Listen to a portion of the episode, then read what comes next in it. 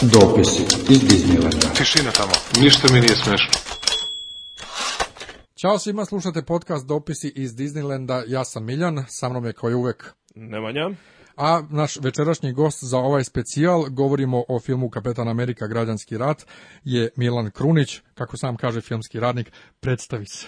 Uh, ja sam Krunić i imam svoj blog Celuidna mržnja i zapravo sam kao neki filmski kritičar, ali me mnogi ocenjuju kao užasnog mrzitelja svega ikad. Zato se i zove celuloidna mržnja. E, da ti kažem, ja pizdim kad me ovi iz um, Lazara Komarčića, ljubitelja fantastike, Dobro. gde sam ja član neki nešto, kad me predstavljaju kao filmskog novinara, kao filmskog kritičara, tako samo zato što pišem um, za Esquire i već pišem nešto o nekim filmovima, odmah filmski kritičar, ja niti volim da me označavaju kao novinar, jer ja ne volim novinare, niti volim da sam kritičar, jer... Saosećam se sa, sa time da ne voliš da budeš novinar, pošto da. ja ne volim da budem novinar. Kao, nisam filmski novinar. Um, sva... Izvinjavam se, koji sam ja ono dobar hejt pročitao kod tebe u posljednje vreme? Nas... Batmana i Supermana. Batmana i Supermana, ali da možda i Star Wars, ne? Ne, nisam pisao Star Warsu. Bilo... bilo... Nešto Bra... iz tog perioda, znači zadnjih dva, tri mjeseca. Znači... Neko, neko te je linkovao, neko braća po babine linije. Bravo, mislim da je Staša Koprivica ili neko Vrlo verovatno. linkovao, to, to oduševio sam se. Znači, Hvala. Stilom, da, e, zapravo ti si bio na novinarskoj Jesam. projekciji da. i znam da si prenio si patnju vrlo vjerno. ovaj. Ako, ne znam, ne, jel smijemo malo o, o, o tome minut, dva, naravno, mislim, za, naravno. čisto čovjeka da izreklamiramo i da ga pohvalimo. Hvala. Meni ono bilo izuzetno izdanje. mislim, ismijao sam se živo, ovaj, baš je onako kvalitetan hejt bio, veliko, ovaj, veliko poštovanje. Za pa Zato ti hate Batmana i Supermana nije bio ni malo kvalitetan. ali, je, ali je bio dobar hate. Ne, ja volim kad hate je malo substancijalniji nego Zack Snyder je kreten i ne ume da napravi. Ne, fora sa Batmanom i Supermanom je što sam se ja vratio toliko besan iz bioskopa, jer kao dva, dva i po sata mog života je otišlo u, ne, u ništa i kao, ok, sad ću da sednem i to je zapravo jedan od redkih tekstova koji je pisan iz besa, ali čistog besa. Ono. To da ćeš da kažeš meni, ja sam u deset dana gledao tri puta, znači sedam i po sati. Meni se dopao, ali pričat ćemo posle svakako, ne možemo da ne uporedimo ova dva filma. No, slažem. Pričat ćemo sa pustio da, da ti odstoji, što kažu. Ne, ne, ne, di, direktno iz bioskopa u tastaturu, ono, odmo u kompjuter, to je okay, kao... Okay. Direktno iz bioskopa u vašu tastaturu. A inače, vezano za braća po babine linije, a, na premijeri filma, samo mala referenca, kad sam došao, ljudi koji su radili na filmu su mi rekli, mi smo čitali tvoj tekst. I ako te Bajić ne udari, znači da ga nije video. Jao bože. To mi je rečeno u bioskopu. Znači prepoznali su te identifikovali unapred. Da, Dobro, da, da, da. lepo. Ne, ja sam okačio svoju sliku zato što mi je zamereno mi je kao a kao lako je to da se kriješ iza nekog imena, kao ljudi ne znaju kako izgledaš. Ja sam bio fazonu, a ne ljudi, ja zaista stojim iza svojih reči. Viš ne znaju, pa ima svugdje tvoja slika na Twitteru, Krunić, Krunić i, i zadnje. Zato što ljudi ne umeju da kliknu jer su malo umni. Pa zato i prave takve filmove. I to je tačno. Odem, lepo, ne, lepo ćeš se ti uklopiti s nama. Ali užasno, mi... ali, ali užasno je zajebano, užasno je zajebano kad imaš mišljenje o nečemu što je radio neko koga poznaješ, prijatelj, ti je tipa ovi Milani dvojica kad rade svoje ove filmove. O, baj, pa on... je prijatelj, a, opa.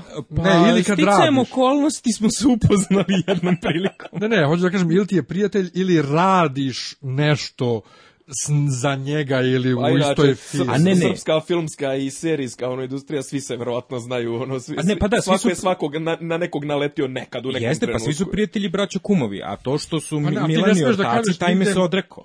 Koji? Uh, ovaj, Todorović. Ja sam Konjeviću posle onog zombi horora ovaj, rekao, tad sam bio baš hejter. Mm -hmm. Sad sam ja vrlo uberen i, i, i ovaj, blag, tad sam bio hejter nad hejterima i bio sam fazonu, na premijeri Milane, ako me neko pita, nisam gledao film. Čekaj, to ono sa Vukotom Brajevićem? Jest. Da. Ku, ja. And the serpent will ba ba and I will step on her head ili kako već bez. Ne, to, to, taj, taj ima, imam, o tome mogu da pričam. Mislim, da. taj film je baš... Ovaj, ja, e, ali kad ali... pomenu Stašu, Stašu moramo jednom da pozovemo u goste. Apsolutno, apsolutno. Ovaj, ali možda da čekamo kad se bude snimalo da se vidi. E, da. Od nju vredi i videti koliko je vredi slušati. To koliko je... nas dvojicu ne vredi videti. Što nisu uzeli nju da glumi u mamu li onu sirenu, polje bi prošla, prošao film. Pa ovaj, Dobro, ali, on, ali ona ima, ima, ima svog klona koji sada dobija nagrade i kao A? u inostranstvu, pa ovu Aliciju Vinklader, Vinklater. Zar ona nije klon ove Natalie Portman? Ne, ne, ne.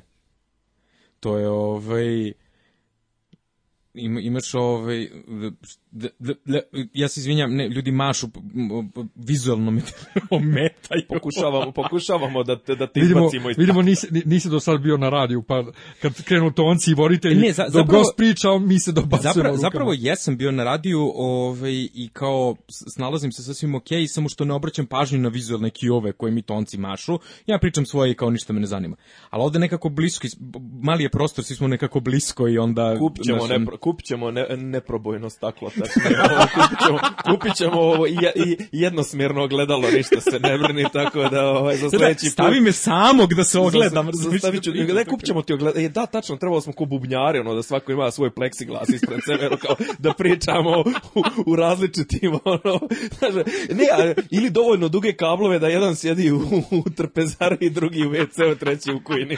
Čaj, ali onda moramo da imamo web kamerice da se vidimo među sobom. Eventualno se čujemo, da, dobro. Da, to je nekako... Ne, slušali se da se čujemo. Svi. Tako je. Ne, ne moramo se gledamo. Plexiglas je bolji. O, ovo sa prostorijama to kao neka bizarna Skype konvencija. Pa, da. da, da, da, vidio sam da to sad je popularno, ovaj, baš kod mene u firmi ovaj, furaju te neke softvere za webinare i to je baš mm. popularne su to okupljanja, svako sjedi ispred, ispred svog kompjutera, skinuo gaće, skinuo shorts, šta već, i učestvuje, I, i učestvuje, i učestvuje da dr, drka na ostatak populacije koji s njim. Ovaj. Podsjetio si me na, na na, priču kada su snimali uh, uh, ovoga, jao dođe vola, Goldfingera, zapravo. Dobro. Uh, Bonda. A, poči, film počinje to kao Sean Connery vozi kola, kabriolet, ovamo namo. Međutim, pošto su snimali, bio je prevruće je bilo. I, ove, I on čovek ima to, košulju, kravatu, sako i goje. Pošto inače ne nosi gaće, to je, to mu je fora. I, I vo, vozi kola i Albert Brokoli dolazi sa svojom ljubavnicom na set i kao da upoznaš mog glavnog glumca i ovo ovaj izlazi iz kola, a pritom ga bije glas ono da, da je do kolenko, ar tak? I ova se šokira, Albert Brokoli ga otpusti i nisu imali snimanje nešto dva dana dok su ga namolili da se vrati, pa kao pa ne, pa nemaš film, pa jesi normalan, pa to nam je, ono to nam je glavni glumac. ne može on tako, ne može on da bude veća faca od mene, da bude veći od mene. Da, da. da. Žao mi, je, žao mi je što ovo nije video izdanje, pošto sve trojica furamo dobre majice večeras. Ovaj... Da, da, svako, svako ima svog favorita. Tako to je, kao... tako je. ne, ja za 11, 22, 63 sad u, ubiću nekog četvorica, što mi nisu rekli da postoji. se, četvorica, sve četvorica, da, foramo imamo, izvrsne majice. Da, imamo večeras i Tonca Goran Tomović nam se pridružio, ovaj, ne predstavlja ga, ne čuje se, mahni Goran, ja da te ljudi. Najbolje je kad se Tonac ne čuje. Da, da, da, evo ga. Evo, klapa. Aplau, aplau, klapa aplaudira kao a, ova Ena Nicole Smith kada je najavljivala onog nekog na MTV nagradama onda. A mora e, taps iznad glave, dakle, pošto ne možeš domati ovako. Dakle, tu, tu majicu 11, 2, 63, ubiću nekog što ja tu istu majicu nemam, ja imam mog Spidermana na leđu leđima koji mi visi. Šta, šta ti imaš ti? Azra. Ja imam najbolji, ja imam ploču, tačnije, ovaj, omot najbolje ploče Azre svih vremena, to je, i najbolje ploče jugoslovenske muzike popularne svih vremena, filigranski pločnici. Inako na Štulić, Štulić ovaj, stoji ispred Fiće na kom piše milicija, a Goran Fura War, War never changes. Pa moram da ti pokažem majicu koju imam rezervnu ovde, imam iz Fallouta četvorke, isto. Ne, on, on fura najbolju majicu, Fallout pobedio je čovek. Ne, ali ja, ja, ja moram da donesem svoju iz, iz, iz, iz ponio sam rezervnu majicu, ima znači nju, njuka kola sam, znači ono 15 centi. Moram, moram da ti poka... Ja, Upravo si zvučao kao ono dete u vrtiću. A ne, pa, mo, imam pa ja, ja bolje igre, pa ne, samo ja da ponesem. Da pa, nisam znao kad... Ne, mislio sam da Miljan, Miljan, Miljan ne igra igrice, pa vjerojatno rekao neće cijeniti mm. ovaj Fallout uopšte. Lore ti, za tebe, izvinjavam se, nisam znao. Ne, sve je okej. Okay. Ja. Ne, ovaj, nismo se poznavali još uvijek, a ovaj, da sam znao da je kolega ljubitelj Fallout auta donio, bi definitivno pokazat ću Ne, ne, u, u decembru da radimo isto ovo, pošto izlazi Assassin's Creed, razumeš? I onda se vi da dođemo u outfitima. Milja, Milja ne mora da dođe. ne, meni fali... E, ja ću vama fali... dostavim stan da vi snimate. Meni, ja meni fali, meni fali bukvalno, sad ajde da, da, da, kad smo već potegli te priče, ko nam je rekao da, da hoće da nam... Ne, da, Isidora je rekla da želi da, da pravimo specijalo Vajeru. Ti Vajer nisi gledao. Da. Ja i ti smo da. zapravo idealna kombinacija. Ovo je tonac ponovo, Goran ponovo maše i hvala mu. Ovaj, znači da me podržava. Ne, ali hoću da, kažem, hoću da kažem da postoji toliko... Ja i ti smo zapravo nisu, postoje, nisu se mogli naći dva lika koja, koja imaju različite kutija interesovanja, nego ja i ti zapravo i cijeli koncept ovog podcasta je bio da on mene objašnjava šta je Eurovizija, da ja njemu objašnjavam šta, šta je, je NFL. Da. Tako da ovaj, zbog toga smo se i sabrali, ali sad kao ovako kad, kad se osetim okružen ljudima koji znaju nešto što ja znam i s kojim mogu da podijelim svoje oduševljenje tipa ne, Falloutom četvorkom ili ne znam ja, ovaj, osjećam se mnogo slobodnije iako smo na tvom terenu Miljane, ti si domaćin i ti određuješ teme. Šta nam je tema danas? Ja ne određujem teme, ja ti se za teme ne, ja, dogovaramo. Ja, ja, imam pitanje, pre, pre, nego što odamo zaista na, na kao neku ozbiljniju priču, a to je, jeste nekad pravili crossover Superbole i Eurovision Eurovizije? U smislu ono, ortaci koji igra u futbol pevaju. Mm. Ka, čisto kao ideju. Nisu vremenski, nisu vremenski, se ne poklapaju. Super Bowl je uvijek prva, prvi, prva nedelja ne, u februaru, ne, ne, a ovaj, nismo još stigli da... Nisam, nisam a mišljel, da, a mi, a, ne, čisto pa na nivou fantazije, kao ne, ne ono Ne. Čisto kao, pa mi se u Superbolu preklapamo jedino na poluvremenu. Aha. Koji ja ne gledam, a on gleda. Kad ja, kad ja uključim da gledam Beyoncé ili Madonu, a on isključi da bi očeo da piša.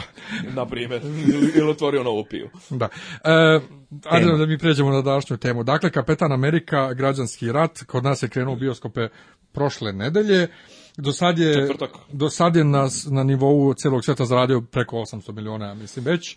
Dakle, po, potukao je onako dobro. Ali to nije ništa čudno imajući vidu da Marvel žanje. Jeste, nije ništa čudno, ali opet ovaj, doćemo još do toga da poredimo posle sa Batmanom i Supermanom eh, koji je do sad zaradio nešto oko 800 sve zajedno. A, a pri hoće se pojaviti zamor u jednom momentu. Mislim, Čekaj, nismo još došli do dotle, pobogu. Ne, ne, ne, o finansijski mislio sam na to. Da li, da li misliš da će okrenuti ovo... Koje? Pa či, cijeli taj Marvel u taj svijet. Ne, kažem, čekaj, nismo došli još dotle. Pa dobro, kažem, ali kad smo već kad se dotakao se, dotakao se para, para. Pa nije govorimo sad pusti idemo redom, ajde. Ajde, šta je redom? Ovaj pa kažem ti zaradio više, mislim da je Batman Superman ukupno zaradio ovaj toliko, a to, pa je lako proverljivo. tome, oni su ovaj oni su eh, Batman i Superman su razbili rekord u jednom danu, beš ili za vikend su zaradili 400 i nešto miliona, koliko je najviše za bilo koji superherojski film ever, alba sledeći vikend su pali, ali je poenta da je Kapetan Amerika pre puštanja u Americi i pre opšteg puštanja u Evropi već zaradio po svetu gdje je pušten 200 miliona. Dakle, razbio je film, kritike ono, neverovatne, evo danas sam proveravao na Rotten Tomatoes i dalje 90% pa, ovaj, pa, pa, 90%. Padaju, ja kad sam gledao bilo je 93. Pa, to je bilo prva nedelja, ali 90% posle, posle 200 i nešto reviewova, 90% mm, mm. kritičarski, 90% ja mislim publike, ali 92%... Dobro, ali pa pazi, mislim, imaš penjanje i opadanje na nivou i Batman vs. Superman, ovaj, koji je počeo sa 33 pa se popeo na 36. Koliko je sad otprilike? ne, ne, iskreno ne znam, mislim da je... Ali, ali, progresijom, pa, progresijom do 2020. Da. će da dođe do... Proverit ćeš u toku ovaj, priče. A ja bih da počnemo sa neprijatnim relevantnim stvarima, Dobro. ako, ako postoji išta, e, svako od nas redom može da kaže nešto, pa možemo posle da... Šta mu se nije svidelo? Da, da, šta mu se nije svidelo, da jedan drugog e, ili napadnemo ili udavimo, kako, otkud ti pravo da kažeš, ali evo krenemo od gosta. Šta, šta se tebi, Milane, u filmu nije dopalo, šta bi voleo da je bilo drugačije? U dakle, Kapetanu Americi? Pa, naravno, govorimo o Kapetanu. Ne, ne, zapravo sve mi se sviđa. To je... A, uvek, uvek imaš zamerke na Marvela. Da, Mislim, da imamo zamerke. Ne, ne, pa, pa generalno imaš zamerke. Postaćemo šta nam se sviđa. Sad, Nima, imaš zamerke, zamerke na, na nivou to kao to su neki superheroji, to je superherojska drama, imaš na nivou e, strukture filma, da, da se to smatra kao dečijim filmom, da ne može da se uzme za ozbiljno, da ne može da bla bla bla. Uh, Međutim, ja nemam nikakav problem sa time, zato što mislim da su svi ti filmovi ono što filmovi bi inicijalno trebali da budu, a to je zabava.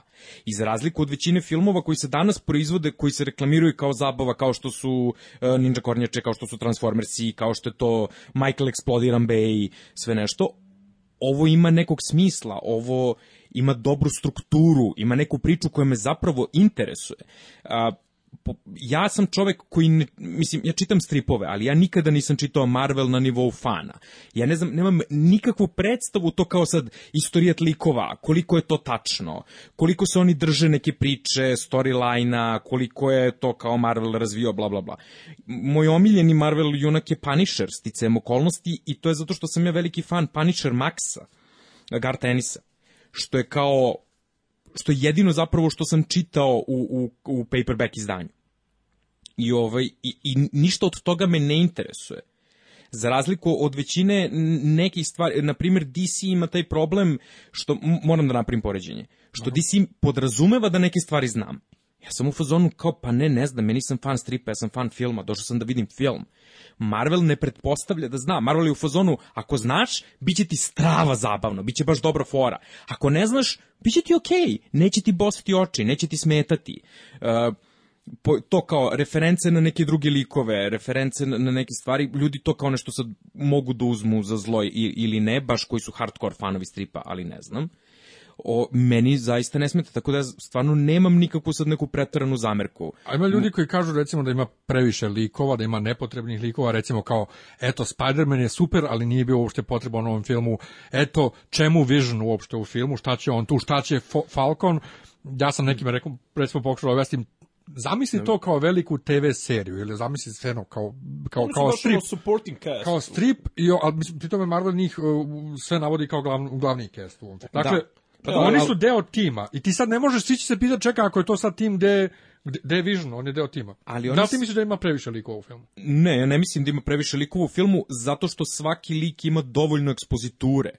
Uh, tako da svi su nekako dovoljno zastupljeni. Svako ima svojih 5 minuta. Svako ima jednu ono genijalnu pamtljivu scenu u kojoj pokaže svoje mislim zasija zapravo najbolje najbolje reč i o gde ti si u fazonu da kao super ovo ima svojih 5 minuta sada da se vratimo na kao glavni glavnu priču i i ovaj storyline. Pokušavam da nađem dobar prevod za storyline, ali trenutno u glavi ono.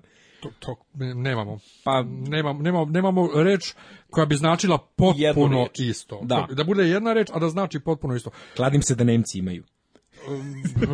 Ma Nemci u poslednje vreme, vi sad bih, ja, sad bih ja trebao da razmišljam, tražim, ali Nemci ovaj, uglavnom koriste ovaj, isto sad sve više, više engleski, što mene naravno kao gramar nacija nemačkog mm. ovaj, nervira, nego Nemanja, imaš li ti neku zamjerku? Na pa ništa bitno u konkretnom filmu, recimo da je neki, da je neki drugi film, da ovo nije konkretna te, da nije tema konkretan sukob unutar, unutar ovog tima, recimo bila bi zamjerka to što recimo, fali mi malo razrađeni glavni negativac. Iskreno rečeno, malo mi je Zemo, mi je, mislim, jedno što mi se sviđa što se zove Zemo, Baron Zemo, o, u stvari, on je rađen po, po, po Baronu Zemi, uako se ovdje nije, nema ne, ovo, Barona, ovo, je neki, ovo je neki anonimus, neki sokovije koji je, on ima, ima neki, ovo je legija. Pa bukvalno, ima neki kao bif, ono, zašto ste mi razjebali zemlju i one neki... Ne, porodica mogli. Pa dobro, okej, okay, ali, ali, kažem, falilo mi je malo i ja... nema mi uopšte tu težinu tog nekog klasičnog negativca i nekako sam, sve sam se uzdao da će u jednom momentu oni zajedno da, makar da ga poraze, pa će onda da, da, da se pofajtaju s njim, ono, u, u klasičnom smislu da on ima neke moći, a on je baš tako tanak i ono, ono, petorcu, jel tako, oni su svi već odavno mrtvi, ja sam očekivao da će tu da budem... je pobio. Pa dobro, ali kažem, ovaj, očekivao sam da će biti fight s njima, međutim, ok, s obzirom da je, e, na to da je o, glavna priča, glavni storyline je taj, taj sukob unuta između Starka i, i, i e, ovoga kapetana, možda i nije bilo toliko potrebno i iskreno rečeno malo mi je baki do sada. E, ali stane, vidiš, većini ljudi se, iako uvek se I... kritikuje Marvelovi ovi negativci koji su da. kar, kartonski, koji su potpuno nebitni, a Kevin Feige, ovaj predsednik Marvel Studiosa, je rekao nekoliko puta da oni e, ne, ob, ne, ne obraćaju toliko pažnje, nego njima negativci nisu toliko bitni koliko je bitno da se bave ovim e, glavnim likovima, dakle, pozitivnom stranom i zato negativci uvek ispadnu takvi, ali za ovog su ljudi uglavnom rekli da je super zato što uh, nije što je ljudski i što nije ono neki sad koji je došao od nekud i kao je sad ću ja da osvojim svet Pa, ne, ne, nije da, da, da. Bond ljude... negativac, nema, nema, nema taj ono grandiozni plan da će on da, sad nešto njima, da vlada. Da, njemu je plan bio da njih zavadi, to, da ih sjebe. Nije, i, kao okay. što nije, dakle, nije kao uh, ovi vanzemaljci da. u Avengersima ili Ultron u drugim Avengersima, jednostavno je čovek koji ima svoju agendu i razumemo njegovu motivaciju. Da, Za razliku od Lutora, o čemu ćemo posle. Slažem se, ali ja mislim da zapravo on uopšte nije glavni negativac, on je čisto tu kao začin da bi ti imao taj okršaj između kapetana i, i Iron Mana je, on je device plot. Je. Da, on je bukvalno device plot. Plot device. On je, da, plot da, device, on, on, je, on je, pa, da, pa, pa, pa, pardon, da, plot device. Ove, on je, ne, ne, ali on je, uh, on je taj, uh, praktično na nivou nekog megafina Hitchcockovog, da, da koji je to kao, dođe, malo začini, tu sad nešto se vrti oko njega, ali on je nebitan, ne, nebitan je za radnju. Radnja su ova dvojica i njihov lični sukob. I da, Marvel činjenica da ima negativce koji su to kao 2D, i mislim, mm, mm, čini mi se negde sad kao, kao nekome ko ne poznaje univerzum, da ono kad čemu Marvel ide, da kada se pojavi ultimativni negativac, da će to da bude užasno zajebano. E, pa ima ima dobro ima dobro bi... ima dobru paletu negativa. Ne, ne, Mislim, imaju i neki ljudi koji neki likovi koji su zapravo bili u početku negativci pa su ne znam ono čudna im je sad uloga recimo meni je, meni je Loki vrhunsko, vrhunski ne, ne, Loki je, Loki je dobro urađen, to se svi slažu. Ja imam i... problem sa Tomom Hiddlestonom, ja ne mogu. A, Moc, ne, on, on, on, on, isto fizički on je, odbojan. Da, on kao on. I recimo, očekujem sad da će ovaj Apokalips da bude zajeban e, ali upravo sam htio, upravo sam htio, upravo sam htio za Apokalipsa da kažem. Um, problem sa Marvelom u stripovima je za početak što je status quo večito čak i kad kažu status quo se menja, kao što je bilo sa da, House Dobre. Da. of M, kad je Wanda Scarlet Witch, Maksimov koji imamo i u ovom filmu koji je ovde napravi sranje, ovaj, kad je promenila stvarnost da Magnito bude vladar svega, da su mutanti glavna glavna vrsta, a da su ljudi ovaj počinjeni i onda kad su je uhvatili Avengersi u tome, kad su je sredili, onda ona kaže no more mutants i onda se mhm. svede svet na 198 mutanata, nema više mutanata i Marvel je tad hteo da desetkuje mutante, međutim je smo došlo opet do situacije da ima koliko je 3, 4, 5, 6 ovih X-Men naslova imaju paralelnih, oni se vreme pokušavaju, a vraćaju se stalno na isto. Ili kad je Morrison ubio Magnita, onda su Olma retkonovali da to nije bio stvarno Magnito. Dakle, stalno retkonuju, a retkon je kad se nešto retroaktivno menja. Dakle, Aha. nije, nije Jean Grey ta koja je rodila uh, e, Cabla ili ko već, nego je njen klon Madeline Pryor, bla, bla, bla, bla. I sta, to stalno rade. Tako da je to problem i sa negativcima, što oni kad dođe razjebe se u, za, za par ovaj, stripova će svi ponovo da se rode iz neke sledeće dimenzije da se napravi ponovo sve isto kao staro. I to može biti problem u filmu, ako se ništa ne menja. Jedno, mislim, pa niko nije stvarno umro osim Quicksilvera u, u, u Altronu. Uh, Nika da. Fury ako Ford ubiše, on čovjek i dalje živ. Colsona ubiše, on i dalje živ. I da. Pa Ali, možda, možda Vaskrsno i Quicksilver. Ali to nije nije to po sebi problem ako prihvatiš da je to takva konvencija u, u stripu i da su ovi filmovi samo nastavak, jedan vizuelni nastavak, uh, pokretni nastavak stripa. Dakle, dimenzija Aha. isto kao stripski univerzum, samo pokretne slike. Ali uh, je isto problem u tome što Marvel uh, nema i dalje prava na mnoge likove, poput Apokalipsa, I onda je on rukama Foxa. I evo sad, ja sam već gledao recimo reviewove za, za X-Men Apokalips, jako Dobro. su loše kritike. Ozbiljno. I veliki problem je Apokalips za, za, kojeg nikog ne boli John, zato što on tu neki opasni lik koji hoće da osvoji svet. Bog. I to je to. On je bog. Dakle, nema, nema da. nikakve agende, nema ništa ono zašto ljudi hoće da se vežu. Pa, što meni nije problem, meni nije problem da dođe negativac koji to smatra da, je, da, da su mutanti bolji od svih drugih, hoće se ljude da pobije. Ne, imam, imam, imam, izvim što imam konkretno pitanje sad kad si već kod toga. A kada se e, vraćaju prava za X-mene Disneyu? Nikad. vraćaju se kad Fox, uh, kad Fox uh, pre, prestane da, da pravi filmove, imaju neke određene uh, vremenske rokove u kojima moraju da izbacuju filmove. Uh, da, to me zanima. Ako ne izbace film u određenom vremenskom roku, prava se vraćaju Marvelu ili ukoliko se dogovore. I ono što mene, mhm. mor, moram sad to i ovdje da objasnim, stalno re, rentujem i pizdim i flamujem po internetu, kad ljudi u Marvel filmove ubrajaju uh, Foxove i Sonyjeve filmove i X-mene računaju. Kao. I onda sam čak sa Danielom Milošević Uh, iz Taramounta, da, da. Koja, koja je prošle decenije bila najgori filmski prevodilac, ono koji poznaješ, zato što umeo sam, pre, čoveče, umeo sam u bioskopu da sedim i da ono su jedne rečenice prepoznam da je ona prevodila. Jao, ja imam, ja imam zamjerke na prevod, na prevod ovog X-mena. Ovo, ne X-mena, Civil War, do, izvinjavam do, se. doćemo do toga. Ne zaboravim, napomenujem. Pomenušte.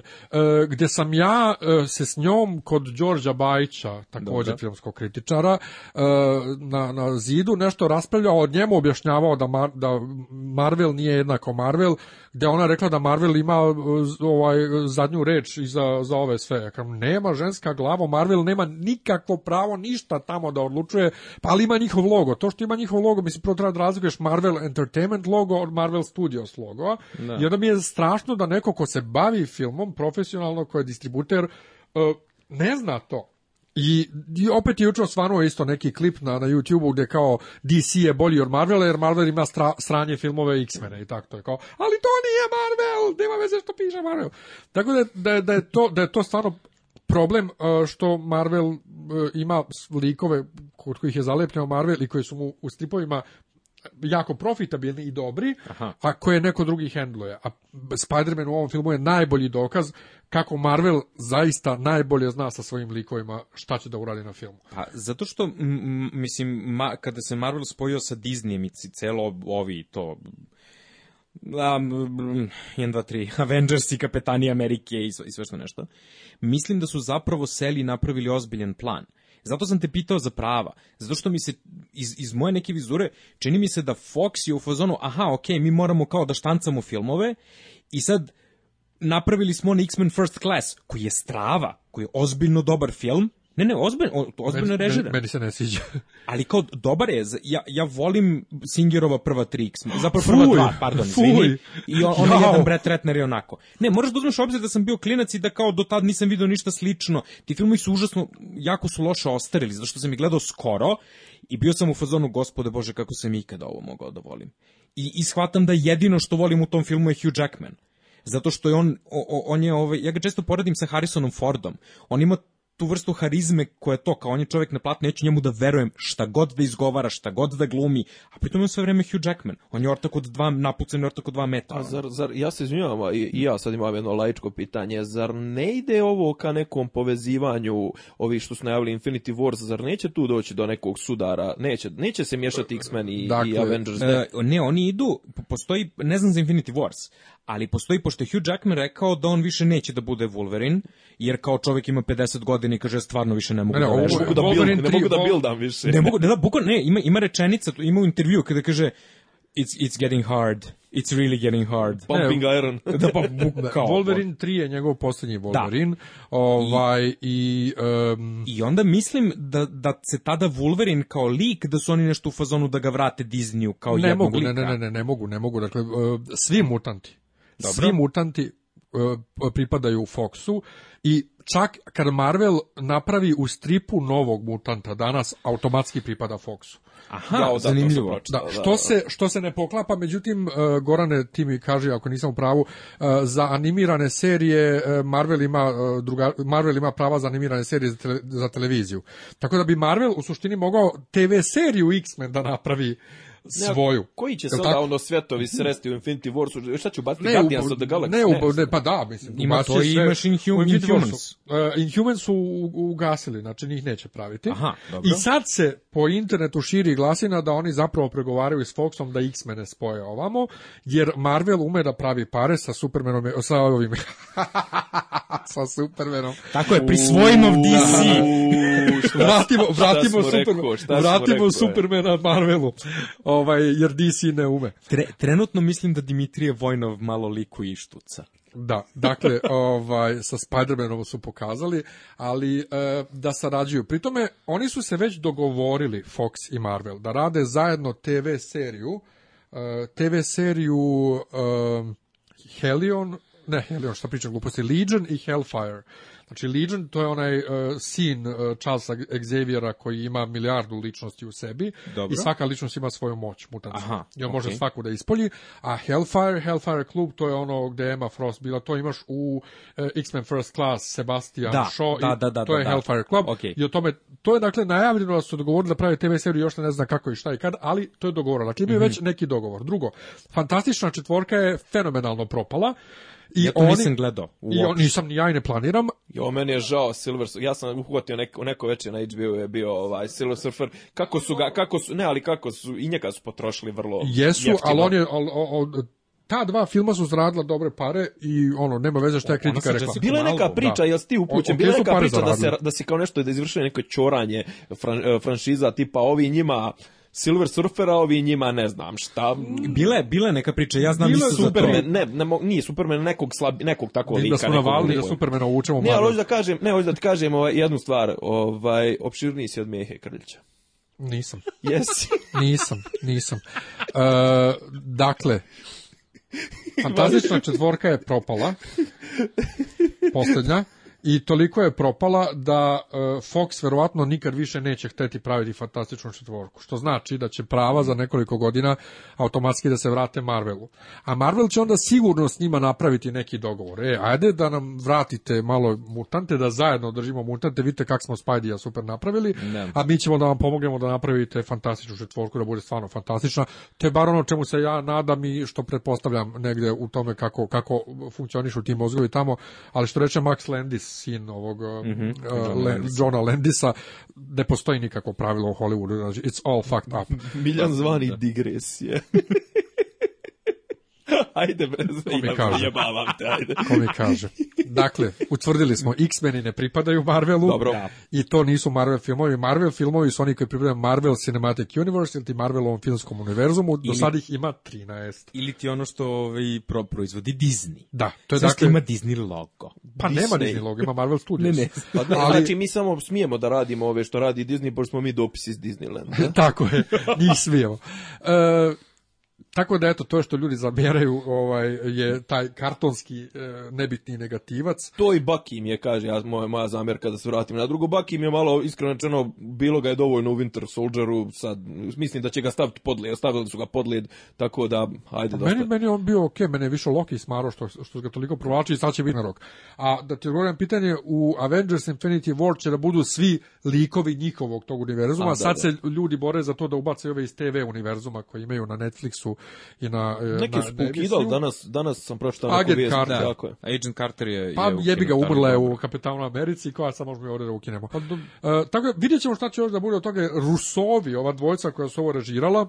Oni su uh, zapravo uveli cele pregovore sa Sonyjem oko Spidermana. Da. Oni žele Wolverina. Oni žele da. Wolverina u, u univerzumu. O, tako da je moguće da oni izvedu sve te pregovore, ovaj jer su jako sposobni i Sony im veruje pa možda mislim možda se Fox e, primi jer sad ako ovaj ako X-meni stvarno budu e, ne prođu toliko dobro a zaradit će opet gomilu para, ali nema veze, ali ako mhm. Fox možda dođe sebi i shvati, ok, možda mi ne radimo to dobro, možda uh, ova Singerova vizija depresivnih dosadnih X-mena nije to što ljudi hoće da gledaju, nego hoće stvarno prave X-mene u fucking šarenim kostimima i, I da se ponekad malo i zajebavaju, a ne da je svaki od njih podjednako depresivan sivi lik Čekaj, a čiji Days of Future Past?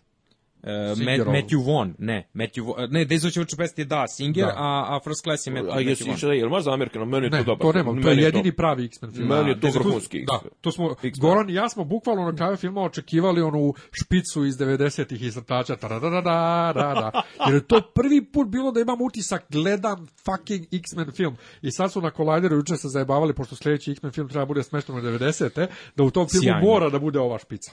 Uh, ajde onda da pređemo na to šta nam se dopalo zapravo u filmu?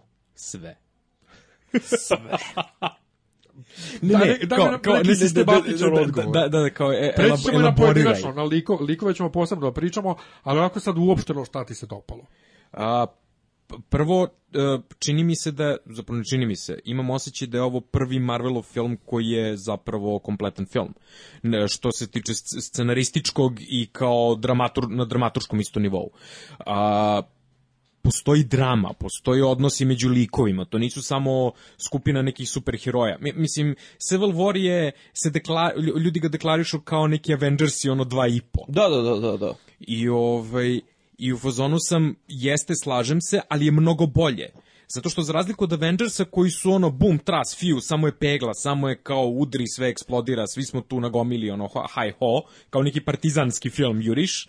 Ovaj, ovde ima, ovde, ne, ovde imam pojedinačne likove, kao ovde mi je su, nekako sve mi je super. Pa ne znam, ja sam imao tu, kako da kažem, ovaj, emocionalnu involviranost i, i u prva dva dela Kapetana Amerike. I Avengers sam gledao više kao zabavu, ali Kapetan Amerika nekako, oba, ja. oba, ova filma su imala tu, ja sam tu, tu mom, taj moment. Prvi je ono, njegov razvoj od klinca, da. mršavog, to, a drugi je taj odnos sa tim drugarom, zato sam i rekao to malo prije da ovaj, ok, ovo sad ponovo su na kalemi listi taj moment lični, moment njega i njegovog drugara, best buddies from, from Royal ne, Hood pa malo smaraju s tim, ali mislim uklapa ne, se u priču sasvim sasvim ovo je sasvim dobro. činično ono buddy movie kao, da, kao da, da, klasičan na jedan. O, ja sam teo da umrem na prvom kapetanu Americi, zapravo.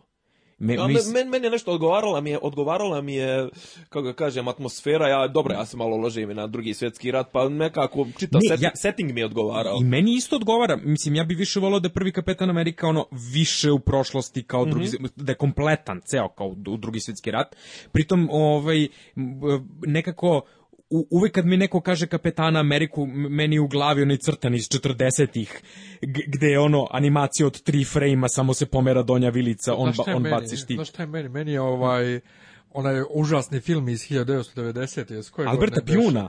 Još 90. Da, da, što je snimano ovde delom. E, što, što, e, su, to, to. što su bežali od rata. Zato, mislim, prva ideja, sama ideja, Kapetan Amerika, kao šta mene boli kurac za Kapetana Ameriku. Tako da, zato nisam, onda to, i zbog toga prvi deo nisam ni gledao u bioskopu. Zem, ju, da, ja, ja prvog kapetana nisam gledao u bioskopu. Gledao sam ga mnogo posle, pa i Halka sam gledao neki dan prvi put. Ma, cap, je, cap je straight kao skates, super je cap. Jeste, super je, ali... A, i, ta, i, i, i, nije toliko, čak i nema toliko tu američku crtu nema, koju ti... Nema. Ima više ono kao, ok, righteousness, ono, mislim, malo, malo ima to, taj stav, ono, ali mislim, toliko je ispravan da ne možeš da ga ne voliš, mislim, toliko je... Ni, dobar do, je cap. Pa, dobro, kao i, i ove ortak što ga igra je dobar. Mi, mislim, on je... Dobar je. Pa ne, dobar, ne, pa no, dobar ne, ne tako dobar, drugačije dobar. tako, tako dobar. Ali ovaj... Kao Johnny Storm je imao dlakave grudi, ovde je sav izbrijan. ne, meni je, e, meni, meni je super zato što je e, ja sam bio u fazonu ovaj, or, ovaj ortak je strava kad sam ga gledao u pušu. I kao, vidiš, od ovog čoveka bi moglo nešto da bude. Ima neku tu kao harizmu i uopšte nije loš. Moj torzo je. E, dobro, da se sad ima još veći. Da. Ovaj, da, da, da, mnogi ljudi likuju na sceni kada drži helikopter rukom kada pokušao ja, ja da ga spreči. Da ja mislim da je to čak bila neka autoparodija.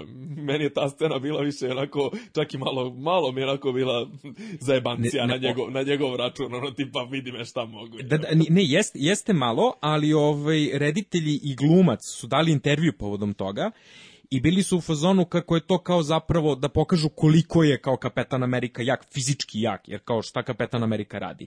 Skače i baca štit. Udara nogama. O, I, I udara nogama ovaj kao to koliko je jak i onda kao ta fizička manifestacija njegove ovaj To je bilo čisto da se setimo da on stvarno super super uh, soldier, da. da je super vojnik, da je ima nadljudsku snagu. A brate, ali... nabrekne mu biceps, brate, ja sam. A ne, ne, po, posebno su vežbali, biceps. ali ono što je meni super zabavno jeste, ja sam bio u fazonu, hm, ovo je zanimljivo. A, zapravo su okačili ceo helikopter o kran. I kran vuče helikopter i ovaj se drži i pokiduje mišiće. Super. E, da, da, da pokida mišići bio na rehabilitaciji. Bio u fazonu, kaže, da, da, kao, hteli smo da izgleda baš pravo.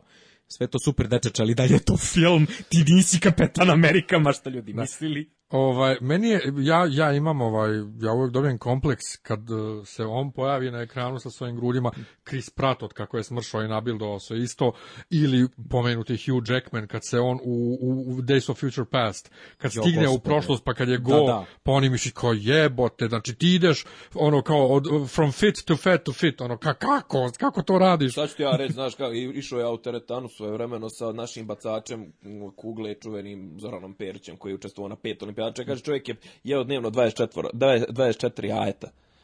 Pa ti, verovatno i ovaj, ovaj Chris Evans verovatno jede ono kilo bifteka dnevno ili šta, šta već i onako puca se na kom hemijom ono ne, nego mega zabo... giga je. Ne, nego zaboravljamo da je to njima glavni posao i da oni no, da, ništa da. osim toga ne rade. Tako da on ima ceo dan da vežba za razliku od nas koji moramo da sedimo u kancelariji. Ali daj mi još malo sistematično šta ti se još ne, sviđa čoveče. sviđa mi se način na koji je režirano. Ove, ovaj, mislim da braća Russo postaju sve bolji reditelji sa svakim filmom i drago mi je što su dobili da rade još Marvela. Mislim, e, čini... Oni su sad koordinatori. Oni da. su novi Joss Whedon. Oni su Joss, Joss Whedon nikad nije bio, mislim, on je dobar na nivou to kao fanboja, on je dobar na nivou svog pozna, opsežnog poznavanja svega. Ložač. Ali i ložači, da, i on imate to kao e, re, rečenice koje su reference i svašta nešto. I sve je to super i, i kreirao si Buffy, kreirao si Firefly, ali ti nikada nisi bio čovek koji režira filmove. Mislim, i to se vidi, to se vidi u Avengersima, da to film nije njegova jača strana. On je jako dobar scenarista, ali film, ne, reži onako. A, sa druge strane, ova dvojica vidi, e, meni je super zato što vidim od koga kradu pomalo. Zato što je recimo u dvojici ona scena kad se tuku na autoputu, to nije baš shot per shot, ali je vrlo blizu hita Michaela Mana. Vrlo je slična postavka, vrlo slično izgleda, sličan je odnos, slično je kadriranje. Fight izgleda besprekorno. Super mi je zato što njihov fight je širok, široki su kadrovi, ni onaj, nije, ja mrzim uh, ovoga... Michaela Beja? Ne Michaela Beja, ne, ne, ne, čoveka bre koji je režirao, jao, Batmane. Snaj, uh, Nolana? Ne, Nolana, da, hvala, izvinjam se. Zato što Nolanov fight je nešto užasno. To je ono, krupan kadar pesnica udara lice, krupan kadar neko se baci, mutno, nešto kao, se prevrće. Kao da ne želi da ti pokaže, da, da, kao, da- ne, kao sve, da hoće da ti sakrije. Sve vreme, znači, gled, ne, ima, ne, ne, sve vreme imam osjećaj kao da gledam u, u, u ono bubanj veš mašine, razumeš, to tumba se neki veš, ja sam u fazonu, ok, to sad šta je, nema veze, i onda neko pobedi ne, ja volim, pošto sam odrastao na Hong Kongu 80-ih, Jackie Chanu, evo ga, daj mi to, daj ja. mi da. da vidim dva čoveka koji su fizički spremni, koji znaju šta rade. Hoću svaki pokret da vidim. Hoću svaki da. pokret. Kapiram ja da glumci ne mogu sve, da nisu trenirani. Ok, možeš ti to da zamaskiraš, ali daj pusti mi stuntmene da se peglaju, daj mi da vidim taj fight. I fight u, dvo, u, u Winter Soldieru kada se peglaju kapetan i Bucky, kad ovaj vrti nož i ono, ja sam, prvo sam mislio da je CGI onda sam gledao Making of i nije. Pra, mislim kao propi, ali, je, da, da, da. ali zaista on vrti, oni se okreću i dvojica se peglaju. To, daj mi Rokija, daj mi dva glumca u kadru neka navežbaju tu koreografiju i strave i, i to je još luđe u Civil Waru. Meni je meni ona scena ovaj onog fajta u, u na, na podvožnja, da, ono da, podvožnjaku da. i na, na kolima meni ono bilo kao da igram najluđu igricu znači Jeste, ono je bilo kao ali, G, ono, GTA ili šta. Jeste kao, to je ljudi oduvalo još i u traileru da, ali ja sam u fazonu to je strava, Jas, jasna ti je kao geografija, jasno ti je šta ko radi, jasno ti je šta ko može, svako ima to, svojih pet minuta, ono, slave, ima svoj spotlight, i to, to je ono što je genijalno. I ono što mi se još sviđa jeste zato što je uvedena ozbiljna, mislim, ozbiljna drama na nivou superheroja. Jer kao prvi put ti dijalozi koji oni izgovaraju imaju neku dozu emocije i šta više čak vidiš da on, vidiš glumu. Do tad si vidio ljude kao to, ja sam heroj, ja izgovaram stvari, a sad zapravo vidiš da ljudi kao su glumci, da, rade, da rade svoj posao i da to ima nekog smisla, da postoji odnosi među tim likovima, a ne samo na nivou ja sam u metalnom modelu i letim i super sam genijalan, ja imam štit, ja ne znam, sam super da, špion. Da, nisu fileri kao. između akcijnih scena, nego, kao... nego baš, baš si ih gledao te, te, te delove filma gdje se oni nešto, što kažeš, razgovaraju, da, ne razmenjuju i... emociju, gledao si ih vrlo zainteresovano. I zapravo mi je, vr, više, sam, više me je zanimao dijalog od samog fajta što je bizarno za superherojski film da ti ideš da gledaš ljude kako tamo da. da. lete stvari, lete ljudi, lete laseri, razumiješ. A ti sad ovde čekaš moment kad će da se Nataša Romanov i ovaj, Kapetan Amerika ispričaju. Pa, pa ne, ne, bukval, Ali zapravo da. zanimate, mislim, meni je bilo zanimljivo, pogotovo ti neki, ti neki momenti, me, do, dobro je, nema šta, mislim. Dobro je i ovaj, i super, bizarnosti, su, meni je super Daniel Brühl. Brul. Brul. Brul. Ovaj, Mislim, prvo je odličan glumac a, i dobar je taj um, dodatak celom tom univerzumu. Super je što je on čovek, super je što postoji kao ta njegova neka potpuno smislena agenda s kojom on radi stvari koje radi i super je što uspe da ih zajebe na nekom nivou. Apsolutno. To mi je carski. Carski mi je što je to kao, on je potpuno prosečan čovek, on je mi, koji je kao... Nije, on je legija, pobogu. Pa Mislim, on je, on je, on je vođa specijalaca tamo bio. Ne, okej, okay, ali, ali u smislu, znaš, on kao ne leti, nema... A to, to, to. Nije super Kapetan Amerika bi ga da. našamaro nožnim palcem. Da. Ono, I, kao, I uspe da ih negde zezne. I to je carski. Mm. Nemanja? Meni je recimo jedan od omiljenih momenata u ovom filmu mi je što izgleda više nećemo gledati War Machine koji je bio totalno besmislen. E, mislim, mislim da ne, nećemo, neš biti te sreće. Je, vraća se Don Cheadle, ne, zaboga, pa, zašto? Mislim, mislim da će brat, mislim, to što on... A koji je to hoda... smisao, mislim, ono, Iron Man number two? Ja bih rekao da je ovo rasizam ne, ne recimo, ne, pojava Black, Panther, pojava Black Panthera je, znači, od prve scene, ono, na onom krovu nekog kad se pojavljuje od jednom do, do posljednje scene, znači, od, prvo mi je razvio mi je kompletan spektar emocija, prvo mi je bio u fazonu, ko je bre ovaj, prvo me je uplašio, pa je da, ono da. bilo u fazonu šta hoće ovaj, jer on zna da on ne udara na dobru stranu, i onda poslije toga sa sve onom posljednjom scenom, onom u Vakandi, gde se deš, ovaj, gdje ovog zamrzavaju, da, da. sad želim da vidim šta je ta kakva šta, šta tamo može, šta se sve može, odakle mu ono djelo, hoću da isplitam cijelu istoriju, da mi neko ispriča njega, njegov, ajde Čale manje više, mene zanima, Čale je već pokojni, rahmetli, ali znači to, to odličan je, to, znači, to je, to je drugi crnac, koga imamo još od crnaca? E, pa imaš Antonija Mekija. Da. Šta? Falcona. A Falcona, da, da, da, da. Ok, Falcon mi je, mislim, bio mi simpatičan, mada, iskreno rečeno, ako njega prizemlje, neće se nešto puno naskirati u nekim sledećim, mada, očigledno da ćemo ga gledati. Da, dobar je Falcon, ono, za, za, za to što radi, dobar je, mislim. On je inače u stipovima trenutno Kapetan Amerika. E, da, to, to. On, on je sad Kapetan Amerika. Aha. Čekaj, to hoćeš da mi spojluješ da je kapetan Amerika umro, znam. ne, i valjda je živio ponovo i živ je, ali ovaj sad kapetan. Žive Draža umro, nije. Ja sam da. očekivao da će zapravo da, da Baki zameni kapetana. To to je bilo neko... Zar, ima, zar, nema, i, i taj, zar nema i taj neki, ta neka priča? Bilo je to, bilo je da, to. Ne, nema šta nije bilo. Mislim. Ne, ne, pa do, dobro, za boga stripovi traju 50 godina, kao da. svašta se tu nešto izdešavalo. I nema, kao, nema ko nije koga jebo. 18 mjesečno ono, izdanja, paralelni. Ne, u x men u X menima su se posobno svi međusobno jebali. Samo mislim da jadan Wolverine nikad nije kresno Jean Grey, koliko god da je želeo, nije uspeo. Pa mora je nešto da bude nedodirljivo. Ko, dajmo, dajmo ne, ona je njega isto htela što najgore. Um, još nešto? Još, još dobri stvari u ovom filmu, po, Bože, humor. Bože dragi, znači ja sam rekao, rekao sam Crni Panter, rekao sam prizemljenje da. Black Hawk Down, ovaj, kako zove, Don Cheadle Down, to, to mi je isto. Ovaj, I dobra, do, volim to što su, to, to, to smo ja i ti pričali nevezano za, za ovaj podcast, volim to što, se, što su stavili taj, to su bacili svjetlo na te lične, znači na kraju, na kraju njih dvojica, Stark i, i kapetan, ne mogu da pređu preko tih ličnih momenta i vidimo u njima tu, tu, tu emo, emociju živog čoveka, znači iako je ovaj Iron Man nije mogao da pređe preko toga što mu je ovaj ubio Čaleta, ovaj opet neće da izda drugara i baš su onako ne se kad sam gledao superherojski film da ima ovoliko ljudskosti A, pre, a pritom su obojice hiperegoisti. Da. Na, na sve to kao samo svaki na, na, na, svoju neku stranu, ali... I, I, stvarno mislim da je i gluma, mislim stvarno ovaj, Robert Downey Jr. je baš je onako, od, od, odradio je to, mislim, ono, u, u, istom momentu mi je izazivao i da, znaš, ono, ok, ja lično navijam za kapetana Ameriku, ali nešto nisam mogao na ovog da budem, iako, iako se ne slažem sa tim njegovim da, da se registruju ovaj, superheroji, da ne sa tom njegovom agendom se uopšte ne slažem, međutim, stvarno je dominirao je u dosta, u dosta scena, je baš onako... Ne možeš da budeš ljut na Robert Downey Jr. Mislim, na, na, naš kao... neprirodno. Ne, neprirodno je da onako... Ja, ja, ga ne volim, ja ga ne volim, čak nije kao, jer, mislim, ono, bi, u, u, e, mm. sviđam se njegov razvoj kroz filmove, jer mm -hmm. počeo je kao... Pričat ćemo o likovima posebno. Izvini, pa dobro, pitao šta ja volim. Znači, to, a, za ove filmske aspekte stvarno nisam toliko, evo imamo čovjeka stručnjaka, za, ali mnogo mi je, recimo, mnogo mi je prijatniji oku nego, nego Avengersi ovi posljednji, nego Ultron, meni, nešto mi Ultron, a ovo mi je stvarno, ne znam u kom kadru sam više uživao. Zato što je fino je vezano, postoji jako dobro to vezivno tkivo između kadrova, mnogo, mnogo je lepo snimljeno. Mnogo je lepo snimljeno. Yes. E, meni se recimo dopada priča u odnosu na stripski predlužak. Aha. Strip, ja sam ja sam prestao da čitam ovaj jedno vreme Marvel stripove baš kad je išao Civil War negde na sredini.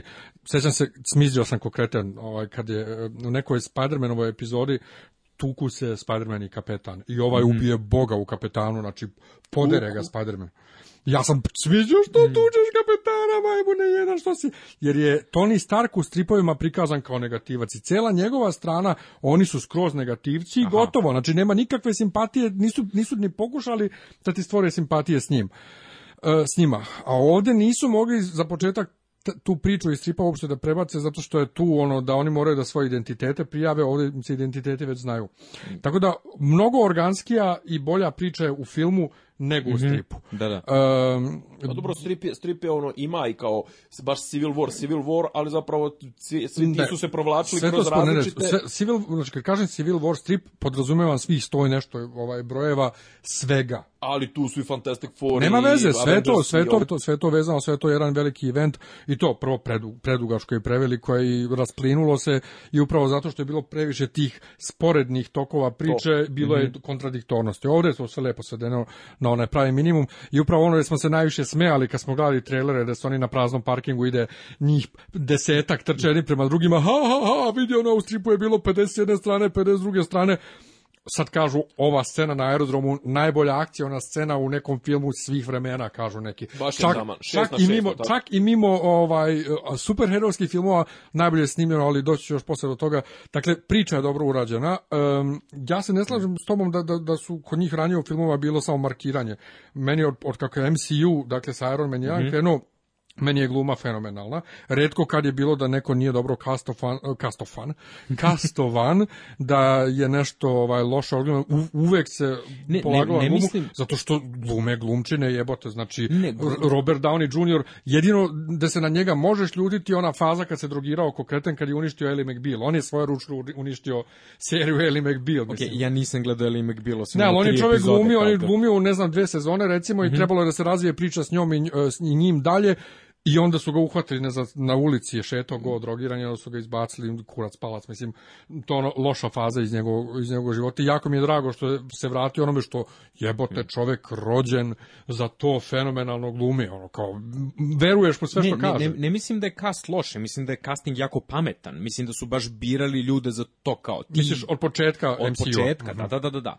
Nego, uh, čini mi se da sada postoji više emocije, kao da su ih posle na dodatne časove, u tom smislu. A ne, nego zašto glumci, uh, glumci uh, za takve uloge, ono kao, uh, što na engleskom kaže, they phone it in, ono kao, da. kao da preko telefona glume, ono samo A Dobro, ja, ja mislim da je to zato što, što su ovi, ovaj, ovaj Fejč, kako se zove, čovjek je već, već raz, fajg, razvija, znači to, on, on, on već ima planove za 2020, on mi stvarno lepo je razvukao tu komplet taj univerzum, polako uvodi likove, znači, ono, nije ti ono što si ti zamjerao zamerao um, Batmanu protiv, protiv Supermana, što su sve sad pokušali da skrkaju komplet univerzum u dva i po sada. Ovde Dobro, stvarno, doći, da, da. Pa da, ali kažem, ovde baš ih lijepo, lijepo razvijaju likove, baš ja se, ja se slažem da imaju plan. Ja, zapravo imam, Vidi imam se. ovaj... A, ja... mislim negde da, da, da to, skoro sam pričao sa, sa, sa drugarima, ovaj, da ljudi koji, sto, koji su finansirali Indiana Jonesa 4 finansiraju DC filmove jer je to taj nivo maloumnosti, to je daj sad i odma. Znaš kao, da. za razliku od Marvela koji ima to kao, mi imamo plan i mi ćemo polako i sistematično da razvijemo. Jeste šablonski, da. Jeste, imamo e, iste regove u filmovima, to jest ovaj, naznake da. šta vas čeka, ali nećemo ni s tim preterati da vas ne bismo zbunili i skretali vam pažnju da. i tako. Dakle, Dobro, oni imaju marginu, onu, ipak su dovoljno su zaradili, to ne moraju sledeći film im ne mora, a znaju da će biti uspjeh, oni jednostavno ne moraju u sledećem filmu, da nije, nije do or die.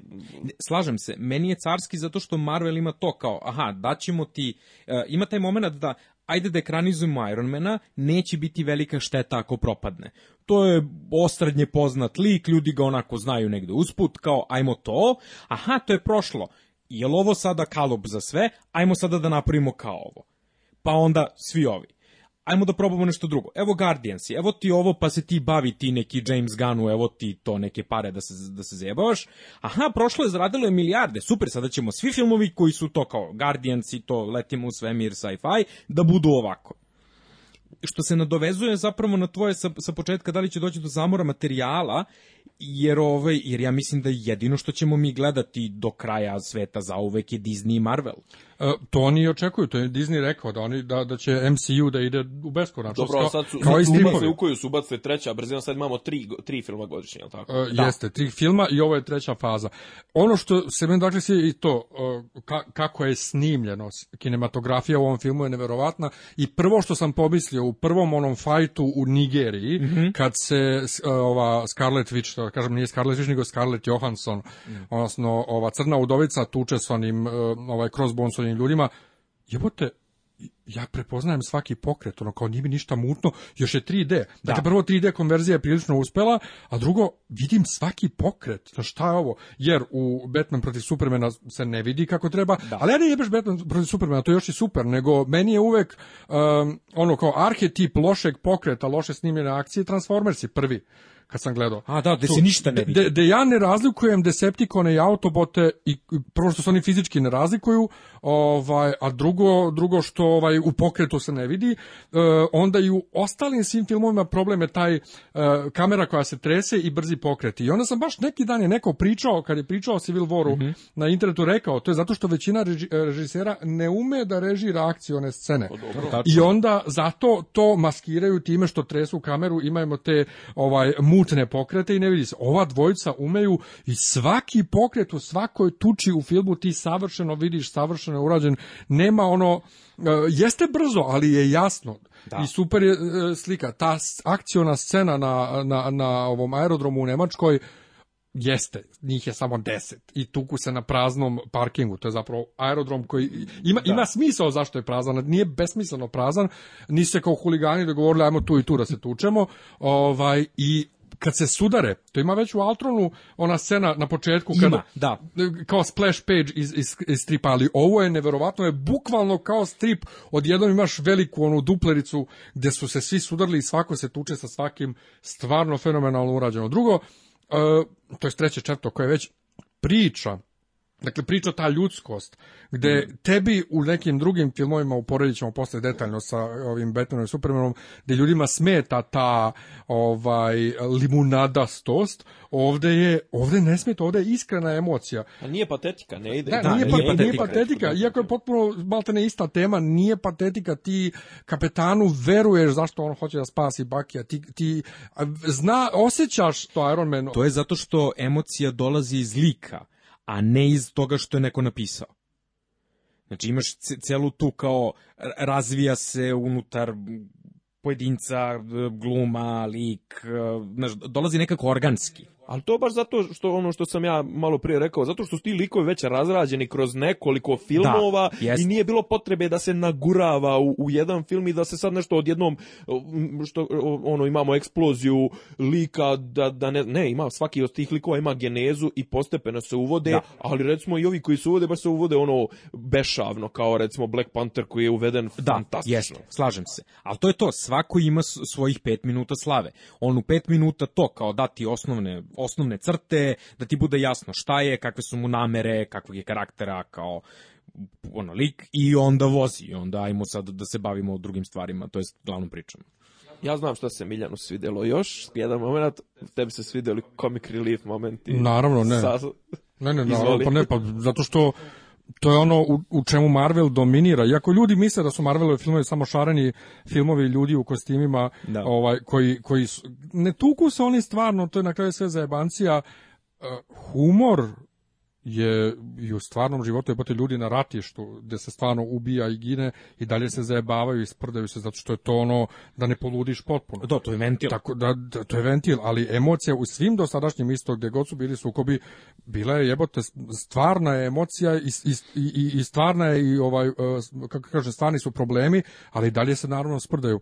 Eh, neki su zamerili, vi što to, to sam zaboravio da kažem malo pre, eh, kao trebalo je više posvetiti vremena razvoju tog konflikta između kapetana i Ironmana, kao sad se to odjednom pojavilo, kažem, ja ne znam, da smo mi gledali iste filmove, u Altronu ti već imaš da. utisak sad će da se pobiju kad cepaju drva, to jest kada kapetan cepa da. drva kod, kod Klinta na farmi i kad se svađa s ovim i od besa rukama pocepa onaj panj, znaš, znači da ga klepi ovim panjem u glavu Ovaj tako da mislim, ali kapetan i Iron Man su od početka sudarali zato što ovaj All American Poster Boy ovaj da i ego manjak jer bi ga on je supervojnik, a da. ovaj je industrijalac, genijalac, e, picopevac. Najpametniji na svijetu. Da, da, tako da logično tu je sukob od početka se i osjećao i video.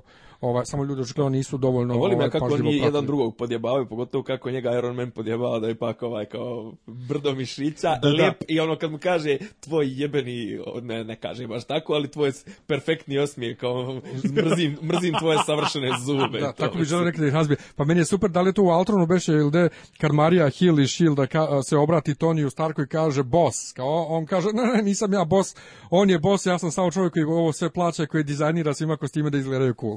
Da, Lord o, ne, ali tvoj omiljeni comic relief, hoćeš sad ili ćeš... Ne, ne, to ćemo kad budemo išli po likovima, ali svakako najbolja stvar u celom filmu, koja je najbolje urađena je Spider-Man, ali o Spider-Manu ćemo posebno. Uh, ali ja bih sad uh, malo konkretno o, o pojedinim likovima. Ajde sad naslovnim likom, iako on jadan, imaju sad i meme ovi posteri e, kao kako da se ponašaš kao kapetan Amerika kad izađe Civil War, a svi bi da pričaju samo o Spider-Manu i ovom Black Pantheru, kao legneš i plačeš, Nije kao tvoj film meni ovo i dalje, meni ovo i dalje kapetan Amerika baš iz razloga što, što, što je osnovni motiv zapravo i jeste taj njegov, njegova posvećenost drugaru, za, mislim to je kako bromance, da kažem bromance. Pa, mislim bromance ovaj, i, i, jednostavno to je ono što što motiviše što što pokreće sve ostale ovaj ono trigger koji izaziva sve ostalo e, što se dešava u filmu. Jeste videli onaj poster eh, Downija Juniora i Evansa kao romantična komedija Civil War? Jesam. O, gospode, da you've nisam, never, you've never seen, kaže, you've never seen such a breakup. no, bože. Fenomenalno. E, dakle, e, kapetan.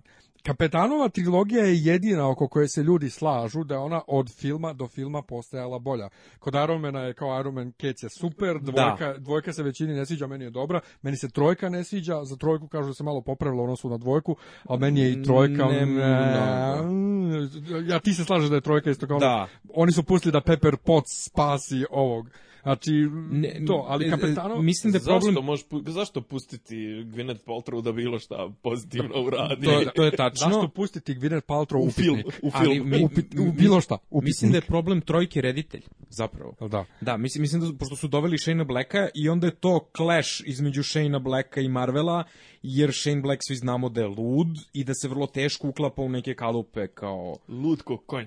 I u sred, leta, i u sred leta, u, gledamo film u sred leta u kojem je Božić. da, da, da, da, da. Zato što on mora u svom filmu da ima Božić. Da, da, da, to, al to dobro, on čovjek... Šta je to neki fetiš? Da, da, da jeste, pa da, čovjek to, to on u svakom filmu ima Božić. On čovjek to vuče još od onog smrtonosnog oružja jedan, razumeš? Jebo. To mu je kao Ovo je genijalno, ovo nisam znao. Pazi, Tarantino, znao. Tarantino, Tarantino ima furt fetiš i snima ženske noge. Da, da, ovo ima Christmas ovo ima fetiš. Razumiješ, ima ceo taj moment. Da, Tarantino, ima, da. Tarantino ovaj, da, da, da. ali, ali Iron Man 3, ali kapetanovi filmovi su od filma do filma postajali bolji i on kao lik, nije on imao sad ne znam kakav, eh, kakav razvoj kao Tony Stark, ali je ono, ono što je kod njega dobro je što je tako postojan, on je dobar, on je čist, on nema ono kao, nema ni jednu fleku ono kao na sebi, ja? Pa da. Ima da. savršene zube. Ima savršene zube. E, ali, ali kod njega se tačno vidi ta neopterećenost time da li će biti sljedećeg filma ili neće, znači nema potrebe za žurbom. Prvi Iron Man je bio ono, možda će biti drugog, možda neće biti, možda će biti trećeg, neće. zato što je to još uvek povratak Roberta Downija, to, Upravo to je tako. vraćam se na veliko platno i sad je malo frka. o, čovjek je rizičan bio svaka, mislim on je da, da, rizična da, kategorija jeste, kao glumac, ono, ne znaš da li će, da li će izgurati, da li će ispoštovati ugovor, bre, kod ovog, kod, i kod glumca i kod lika, znaš bre da je mu je sve po pesu, kod, kod kapetana Amerike kod Krisa Evansa nema greške. zna, pa znači, da. znaš da će on u određenom momentu da biće i dvojke, biće trojke, biće sve, sve, sve će biti ko što treba, sa kapetanom nema greške. Mislim. E, ali on je rekao neki dan da on e, toliko veruje Marvelu i toliko mu se doba da on je spreman da radi za lika i za njih bilo šta šta god treba, on će da radi. I to me, to, ali to malo ispada onako kao, kao, kao jadna kurva koja se Jeste, ma, malo zvuči kao da je narkoman. Da, ali je, ali je, ali... ali oba lojalnost, ne, ja to čak gledam pozitivno, on ti je ko, ko Tom Brady u pa- Patriotsima, ne vidi sebe ni u kakvom drugom timu, ono, kao, ja sam njima zahvalan što su mi, jel, ono, kuće sagradili i to, pa... Činjenica je da će svi oni imati užasan problem kada se završi u nekom trenutku, pošto ne mogu svi da budu superheroji za uvek, jer kao ljudi stare, filmovi izlaze ono, jednom, jednom u godinu do dve po liku. Ovaj, imaće užasan problem da se operuje, imaće taj Sean Connery ono moment sa početka, to je kao, oni će zauvek biti to. Jer Chris Evans nikada ga više nećeš gledati kao bilo šta drugo će bude, he, evo ga onaj ortak što je bio kapetan Amerika, što je sad, šta god da je sad. Me pada na pamet odmah ono, ovaj, Orlando Bloom koji, jel, izgleda deblje i starije u da. filmu koji je hronološki prethodi go, ovom gospodaru prstenova, znaš, on izgleda onako ono, podbu. Podbu, da, da, da, Orlando Bloom izgleda kao neko ko je od gospodara prstenova do hobita, razumeš, živeo samo na vinjaku. to, to, to, na brzoj hrani. Da, da, na, da. brzo, na McDonald'su i vinjaku u krug. Vijao u venu, da. Ali ovaj, e, kapetan mi je bio dobar u Snowpierceru. Ne, on je strava u Snowpierceru i to je nešto potpuno drugačije za razliku od svega što je kao snimao do, do tog trenutka. Ali tih filmova je malo. Mislim, pa on, pa nema kad, on je vezan za Marvel. On pa ne, može ne, da okay, vezan je za Marvel, ali kasnije će da bude već mator. Mislim, Ja neće imati potrebu da gumi jesu, jesu dovoljno njima, ova, jesu oni otprilike, jel im se ugovori završavaju s, i s istim filmom i sa istim, s iste, u iste godine ili šta već, ono, bit će fora ako krenu ono, raz, neka pravna razmimo ilaženja, oni Downey Junior. Ne, ne, krenuli su, krenula već, Downey je, ist, je istako onaj opšti veliki da. ugovor koji on više neće da potpisuje, dakle, ono, na, na 50 filmova. Angro, angro. Da, da. Oni sad njega za svaki film pojedinačno, i sad je bilo isto pitanje da li će da se on pojavi Spider-Man u novom Spider-Manu neće, i na kraju, ok, dogovorili se biće. Ali uh, kod kapetana Um, Joj, da se vratim, stani, kapetan... stani, stani, ima jedna, zaš, zašto volim ovaj film dodatno, a nećemo stići do toga, toga da se dotaknemo. Mm. Glumi Marisa Tomei, jao. Pa stićemo kad Milfača, pričali, ja. Stani kad budemo pričali o Spider-Manu. ono, pa ono je nebitno, mislim ono, okej. Okay. To je nebitno, evo, tetka May. Čekaj, to je, to je ljubav od ono moj rođak Vini. mislim, tetka May. Od svih filmova, mislim. Tetka May, tetka May je ono... Tetka je tetka, brate, mislim. Da. Tetka nikad bolje nije izgledala. Pa, to. Ovaj, um, dok je u stripu, dakle, jasno navijaš za kapetana, ovde kapetan deluje malo i ono, ti kažeš, egoistično, kao, ma šta, kao mene neko da kontroliše, pa ja sam najbolji jebem se za ujedinjene nacije, što što mene malo nervira, iako ga razumem, dolazeći iz Winter Soldiera, gde Hydra preuzela S.H.I.E.L.D. Da. On, on više nikome ne veruje. Ovaj, A da li drugačije bilo da je, Bakija... da je ovo Ameri, da je, da, da je recimo da, da iz, iza ovog akta registracije svemu da stoji Amerika, a ne Ne, ne, ne bi bilo isto jer on je u Soldieru izgubio poverenje prema vlastima kao takvima. I to je to. Ali mi je super ovaj isto je to malo teško razumljivo kao šta sad se uhvatio za tog Bakija i ne da Bakija nikome on ubio tolike ljude kao stanite ljudi, ali to je jedina njegova veza sa njegovim stvarnim životom. Da, dakle, samo oni Baki imaju da, da, po 100 godina izgledaju ko Da, da. Dakle, to mu je jedina veza ma... sa, sa njegovim pra, pravim prvim životom. I malo dele paranoju. Da, da. dvojice. malo, Evo, malo više. Zato, zato, zato je kapetan ovaj, toliko, razumeš zašto on toliko brani Bakija. Iron Man, dakle, od početka, od prvog filma je on građen za ovo. On je u prvom filmu odmah ugasio kad se oslobodio od onih da. Talibana, ugasio je proizvodnju oružja. Brate, ja neću da pravim oružje, vidi šta moje oružje radi, ubija ljude. Da, da, da. U, u, u Iron Man 2, onaj što mu je preuzeo tehnologiju, mm -hmm. ovaj Mickey Rourke i sve u Iron Man 3, on je on u Iron Man 3 uništio sva odela. Da. No niko niko nije toliko toliko slojeviti, toliko toliko kako da kažem ima u sebi toliko dilema nosi kao kao lik Iron Mana i koji ovo ovaj iznosi stvarno fantastično. Svi ostali su ok. Ajde ima Scarlett Johansson ima neke svoje. Ovi ostali su ono ne, ostali su, bukvalno pa, tu, eto, tu sam zato što me taj rekao Pa da to je, znaš, da. Ono, zna na se na kojoj su strani, zna se šta, ali o, ovaj, mislim, njegove dileme, zapravo on, on nosi najveću dilemu unutar sebe i to, i to je, i dobro je to, bre, i oslikano. Al to je, to je, e, razvoj Ironmana od, od prvog filma do ovog je nenormalan i ti vidiš kako je glumac ostario, lik da. je ostario i ti onda uh, u onoj sceni kada ovaj Thunderbolt Ross ili ti, General Secretary Ross Aha. njima objašnjava, on sedi u pozadini ćuti sve vreme, ali ti njemu na faci vidiš sve. Da. Znači ti da, Downiju da sve na faci vidiš šta on razmišlja i šta mu se dešava u, u, u mozgu, pogotovo kad ga Alfred Woodard ovaj, posle ovog predavanja mm. na MIT-u zaustavi njega uništava to šta su oni uradili sve do sad. A kapetan vidi samo ono e, dobro, tako da, da mm, Iron Man je fenomenalno urađen. Ja njega nisam, ja, ja sam ga mrzeo. Meni su oni Batman uh, i, i, na istoj Aha, ravni. Isti nivo smarača. isti nivo smarača, likova koje ne mogu da podnesem. Batman je fuzio, meni su mama i tata ubijeni, ja sam ovaj, playboy. Ubijeni su ne. Iron Manu. Nisu. A jesu, nisu u stripu, u stripu e, nisu beše, da. da. Mislim da mu je otac živ u stripu ili, ili je to u House of M. Nebitno, ali Iron Manu nije to osnovna crta Naravno. ličnosti kao Batmanu Roditelji pa su mu ubijeni. Je, si čovjek imao koliko imao 5 godina, Bruce Wayne, kad su mu ubili. Naravno da će da mu to bude događaj koji mu je obilježio Jeste, život ali ne mora mu, ali ne mora mu svakom stripu o Batmanu, ne moram u svakom filmu. Znači, Batman je, to sam i rekao neko večer u, u ovom e, podcastu sa Korobani i Sofija Vuković me zamolila da napišem tekst na to. Batman je Fibi iz prijatelja. Moja mama se ubila. Svaka epizoda, moja okay. mama se ubila. Ovo je Dobro, da zanimljiva paralela. znači, bukvalno, moja mama se ubila, meni su roditelji ubijeni, ja sam, šta je već radio sa, sa ovim šišmišima, ja sam sad Batman. Uh, i nema, Mijat dakle, nikakvu moć. I Mijat je promašio prečku, meni je to ono što definiše Mijatovića, znači njegova promašena pre, pogođena prečka, promašen penala, ne šta je poslije toga uradio. Imaš jednostavno, čovjek ima stvar koja ga definiše, to je ubistvo roditelja, nemoj mu zamjer stoje. Da. Zamjerim, ali on pritome nema, dakle, nikakve, ovaj, nikakve neku posebnu ličnost, on je playboy mm. koji ima ovaj puno gadgeta. Iron Man, Iron Man.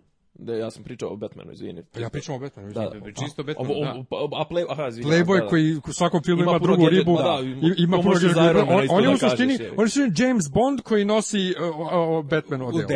I zato, zato ga ne volim, jer on nije, dakle, nije superheroj. Tako i Iron Man. Ima alkoholičar je smarač, je ego, egomanijak i ima ovaj gadgete i puno para, ali Robert Downey Jr. glumeći samog sebe da. je napravio od toga jebote zanimljivog lika da ti ne možeš da ga ne voliš. I zato je Iron Man meni ovaj Čekaj, ti voliš super... Michael, uh, Batmana Michaela Caine, al tako? Ne, ja ne volim Batmana uopšte. Ja mrzim Batmana. Ja mrzim DC. Ja ne DC nikako. Rekao, al Batman, koliko se ja sećam, Batman Michael Cainea nije neki jebe, jebač, al da on čak ima nešto problem sa ženama. Michael Caine?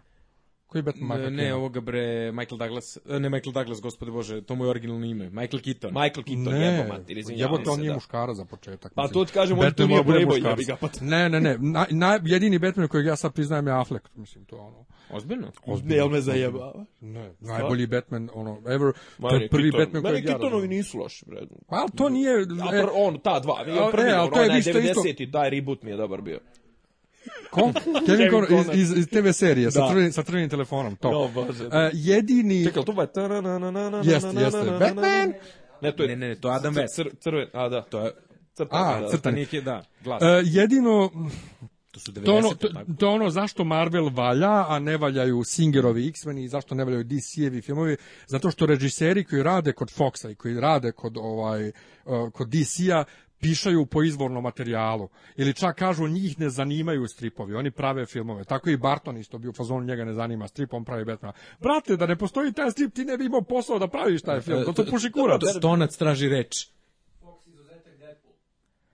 A, Deadpool je izuzetak koji potvrđuje pravilo. Da. zašto? Zato što se Fox nije mešao da. kod Deadpoola. Vidjet ćemo šta će bude sa Deadpool 2, sad je Fox shvatio. Ne, mislim, mi, jeste iskren, ali mislim, mislim da je fora sa Deadpoolom da su radili ono što su radili sa Guardiansima donekle i kao, a to je, evo ti neke pare i, i ti idi da si, ono, idi da se igraš u parku.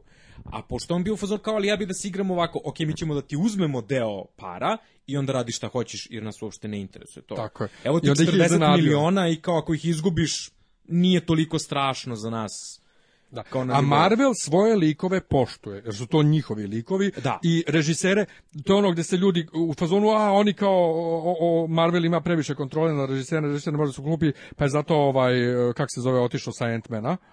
A, ovaj Ed Wright. Da, on je otišao, ali režiser i ne treba u filmskom univerzumu kao što scenarista koji piše stripove ne treba da dođe i da pametuje da izmišlja svoje nešto. Ti brate imaš tu 60-godišnju istoriju likova i priča ti moraš to da poštuješ. I i da i ne. Do, I, ne, ne, i da, e, ali to je ono, e, sad ću da odem totalno u digresiju. Ne, ne, ne, apsolutno ne, ne, i ja hoću da ti Ne, ali da sad odem totalno u digresiju, sad ću da krenem da pričamo o duhovnoj muzici. A, o, zato što dobro, e, ajde, u, u da duh, duhovna muzika mhm. crkvena, to ti je potpuno isto. Dakle, ti imaš određeni kanon, zove se da. kanon, koji moraš da poštuješ. Ti ne možeš sad da staviš, recimo, ako je zabranjeno da se neka rečenica ponavlja više od tri puta, ti, brate, ne možeš, ko, kompozitor Sveto Božić, da napišeš to četiri puta, zašto te, to Bosana, tako to zvuči. čovjek se zove Sveta ja Božić. to je ono, praktič, boli me kurac. Praktična konvencija ovaj, žanra. Ne može, brate, ne možeš, znaš. E, a ja, koji je, recimo, isto kompromen duhovnu muziku ili govedarica, kao trenutno najpopularniji da. živi crkveni kompozitor. Najpopularniji crkveni kompozitor.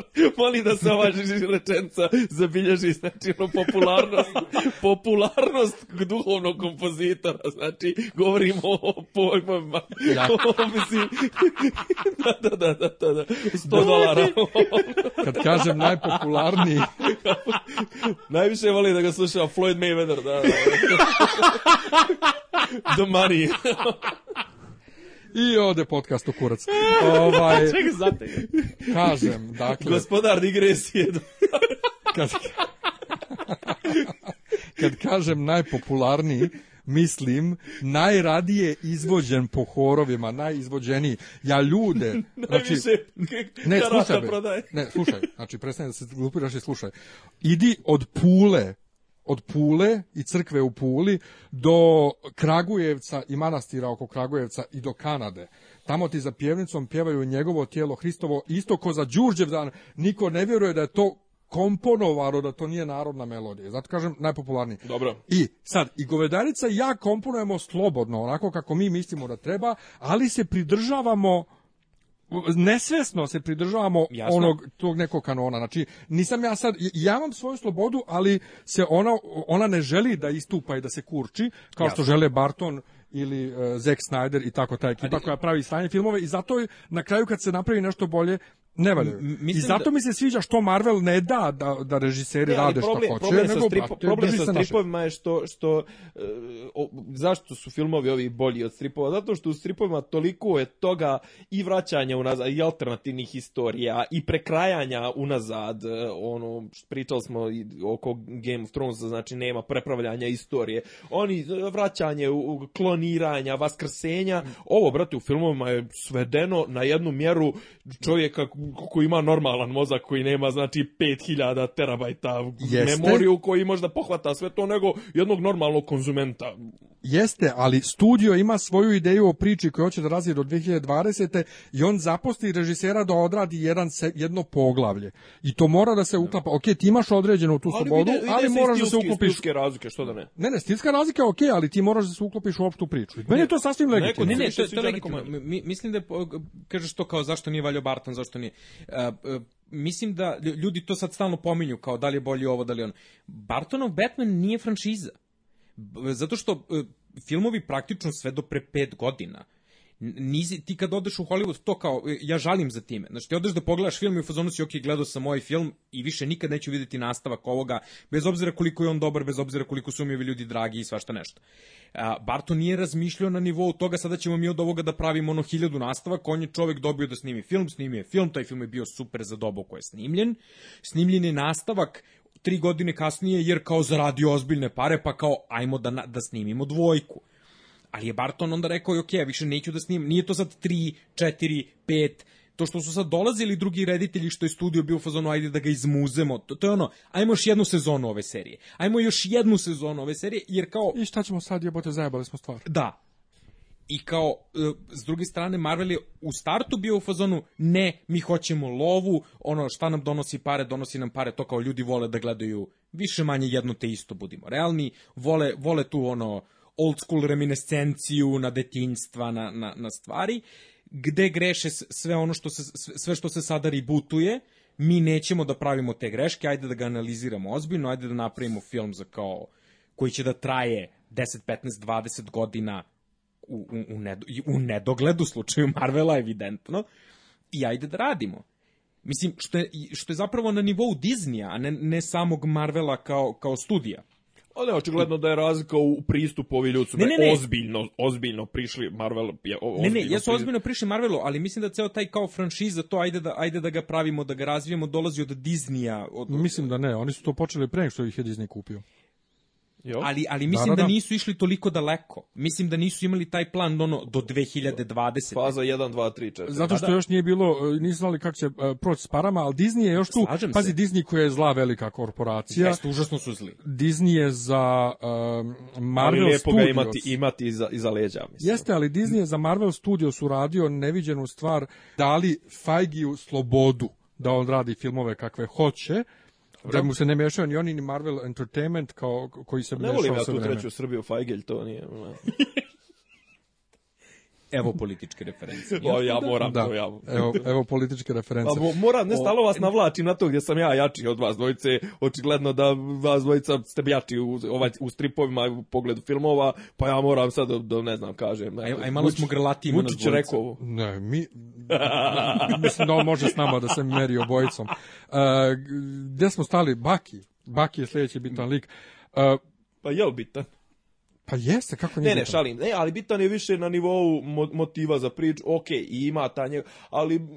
Da li on isto plot device, ovaj pa Baki. nije, mislim da nije, ovaj, mislim da zapravo je lik koji je imao neku svrhu, odslužio svoju svrhu i sada ćemo da ga, ono, put him on, on hold, ad, ad, on ice. Pa, e, Razumeš, do nekog trenutka kada ćemo da ga ponovo aktiviramo, kada će da bude. E sad, da li će to bude za tri filma, pet, ili će da se tu pojavili s vremenom? Dobro, ne, ne, ne, ne mogu da mu isperu mozak. To, to da. šta su mu radili, to, to ta njegov, kao aktivacija tog njegovog zlog... zlog Misliš, taj man, manđurijski kandidat momena. Da, da, da, da, da. ovaj, ali, do, ok, ima, ima neku svoju, kako ga da kažem, i dalje probija se kroz njega ta ličnost i zanimljivo je to posmatrati, to kako on pokušava da se sjeti svega, pokušava da se da, da, da zadrži tog starog Bakija, da, jel, da izbegne to vraćanje na to rusko i generalno ja volim gdje god se pojavi to, to 91. Rusija, ono, tajni eksperimenti Sibir. A to nemam, hladni rat protiv, malo. Pa, nemam ovaj. ništa protiv toga, to, to tajni eksperimenti. Skoro sam čitao neku pre, ne, ne pitaj ništa, drug, od drugare neki ušao u neku rusku sektu, ja sam krenuo da istražujem šta je to i onda sam ispostavilo se neki Rogozin, Georgij i tako nešto, je zapravo bio načelnik da li FSB-a ili neko za parapsiko...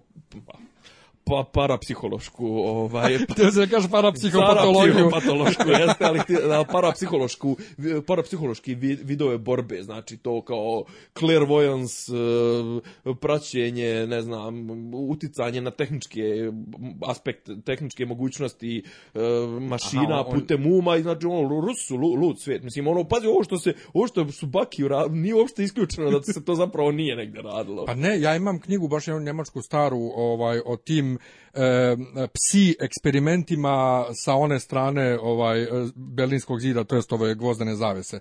Da ima dokumentovano šta su Bugarska, šta su Rusija i druge zemlje istočnog bloka A, radile od tih vojnih. Ne, ne, ne, ovo je znači samo o, o radi se o tim zemljama, dakle nije nije niko rekao jesi, ovo... jesi ti čuo za istoriju atlet, jesi pro, pro, pročito nešto iz istorije atletike 80-ih?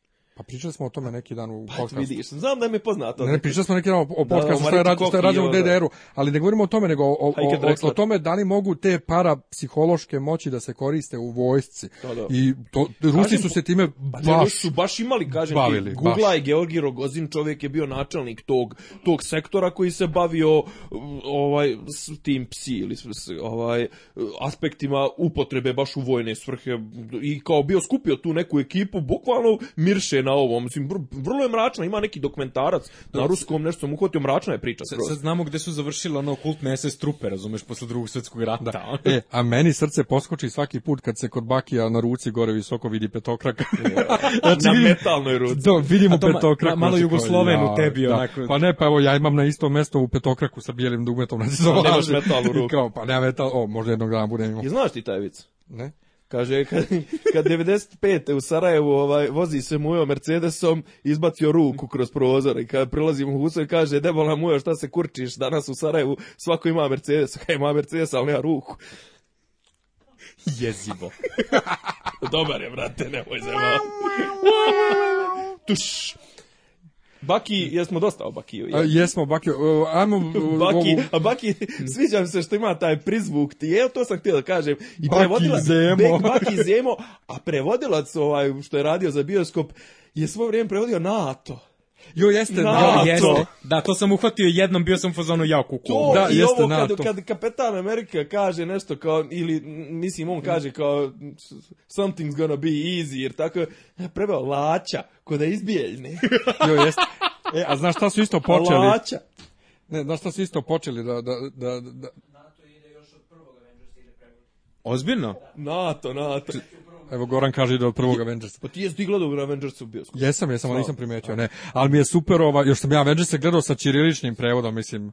To je ono što Disney forsira u svojim u svojim da. filmovima o Srbiji ćirilični prevod. Da, da, A, nego nego bilo je um, ovaj u poslednje vreme nešto Demet, Demet svaki put prevode sa bestraga u Marvelovim filmovima, ne znam ko to ko to pravi. To je bestraga, bestraga, al ko još kaže bestraga ili bestraga beše, bestraga. Jeste bestraga mu glava. Da. Da, da Dolazi od ali Nata, Nata jadna, evo sad je Fajgi potvrdio. Fajgi je potvrdio da će imati kad svoj film vjerojatno u fazi 4. Ovaj jebote Fajgi prestani više. Fajgel. I treća Srbija. Neće imati besplatnu reklamu u mom podcastu. Treća, treća faza, treća treći, treći entitet i ostalo, jeste. Treći kurac. Ovaj, e, dakle, imaće svoju, svoj film, ali ona, ja sad ne znam da li ja uopšte želim njen film, ona je bila od Iron Mana 2, ja sam potpuno zaboravio da je bila Man 2, da ja sam mislio da je, ja sam mislio da u Avengersima prvi put, to je kad sam je vidio u Avengersima prvi put, zaboravio sam da je bilo u Manu, ali ja, da, ona se toliko da puta neka pojavila... Psihološka drama, pošto žena nije, ona nije superheroj, ili tako?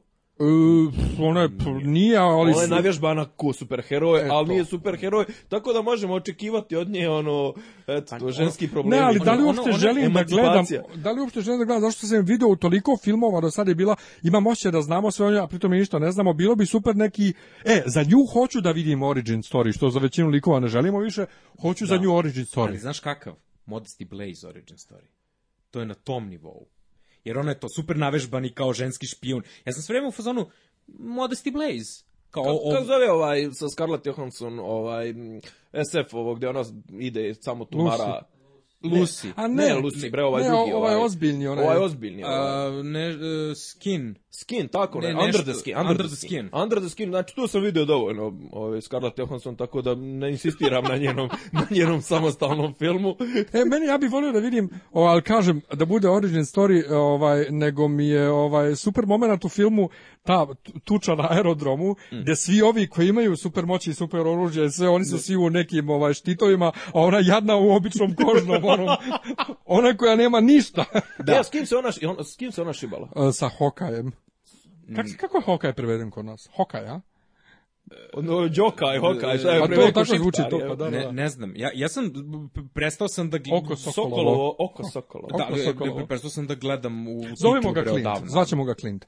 Ovaj, e, vi šta je moment kad se njih dvoje tugu, kar on joj kaže mi smo dalje prijatelji, ili ona njemu kaže mi smo dalje da. prijatelji, on kaže zavisi koliko me jako udariš, E, pa čekaj, to... i, on, i on nije superheroj, jel tako? I on je samo... Ne, on ima malo samo nešto dobro gađa. Augmented. Da, da, on je, on je vrlo je precizan.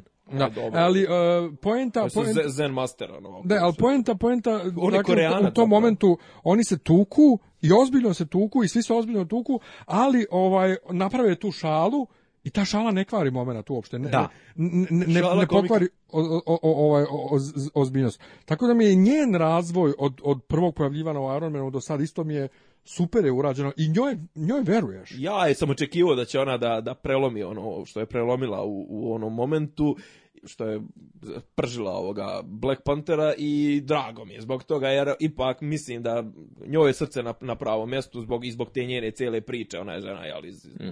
iz istočnog bloka, jel tako? Da. I sve ima ono, kod nje se razvoj, razvio se osjećaj za dobro i zlo i naj, jednostavno bilo bi preveliko razočarenje da je ona ispalila. da, da ispalila, Ne, da. da je ispalila kapetana Merku da je ono ali bud, potpunosti. Ona je sad... Švalavili su se u Winter Soldieru. Jel jesu? Ja sam zaboravio. Kolima.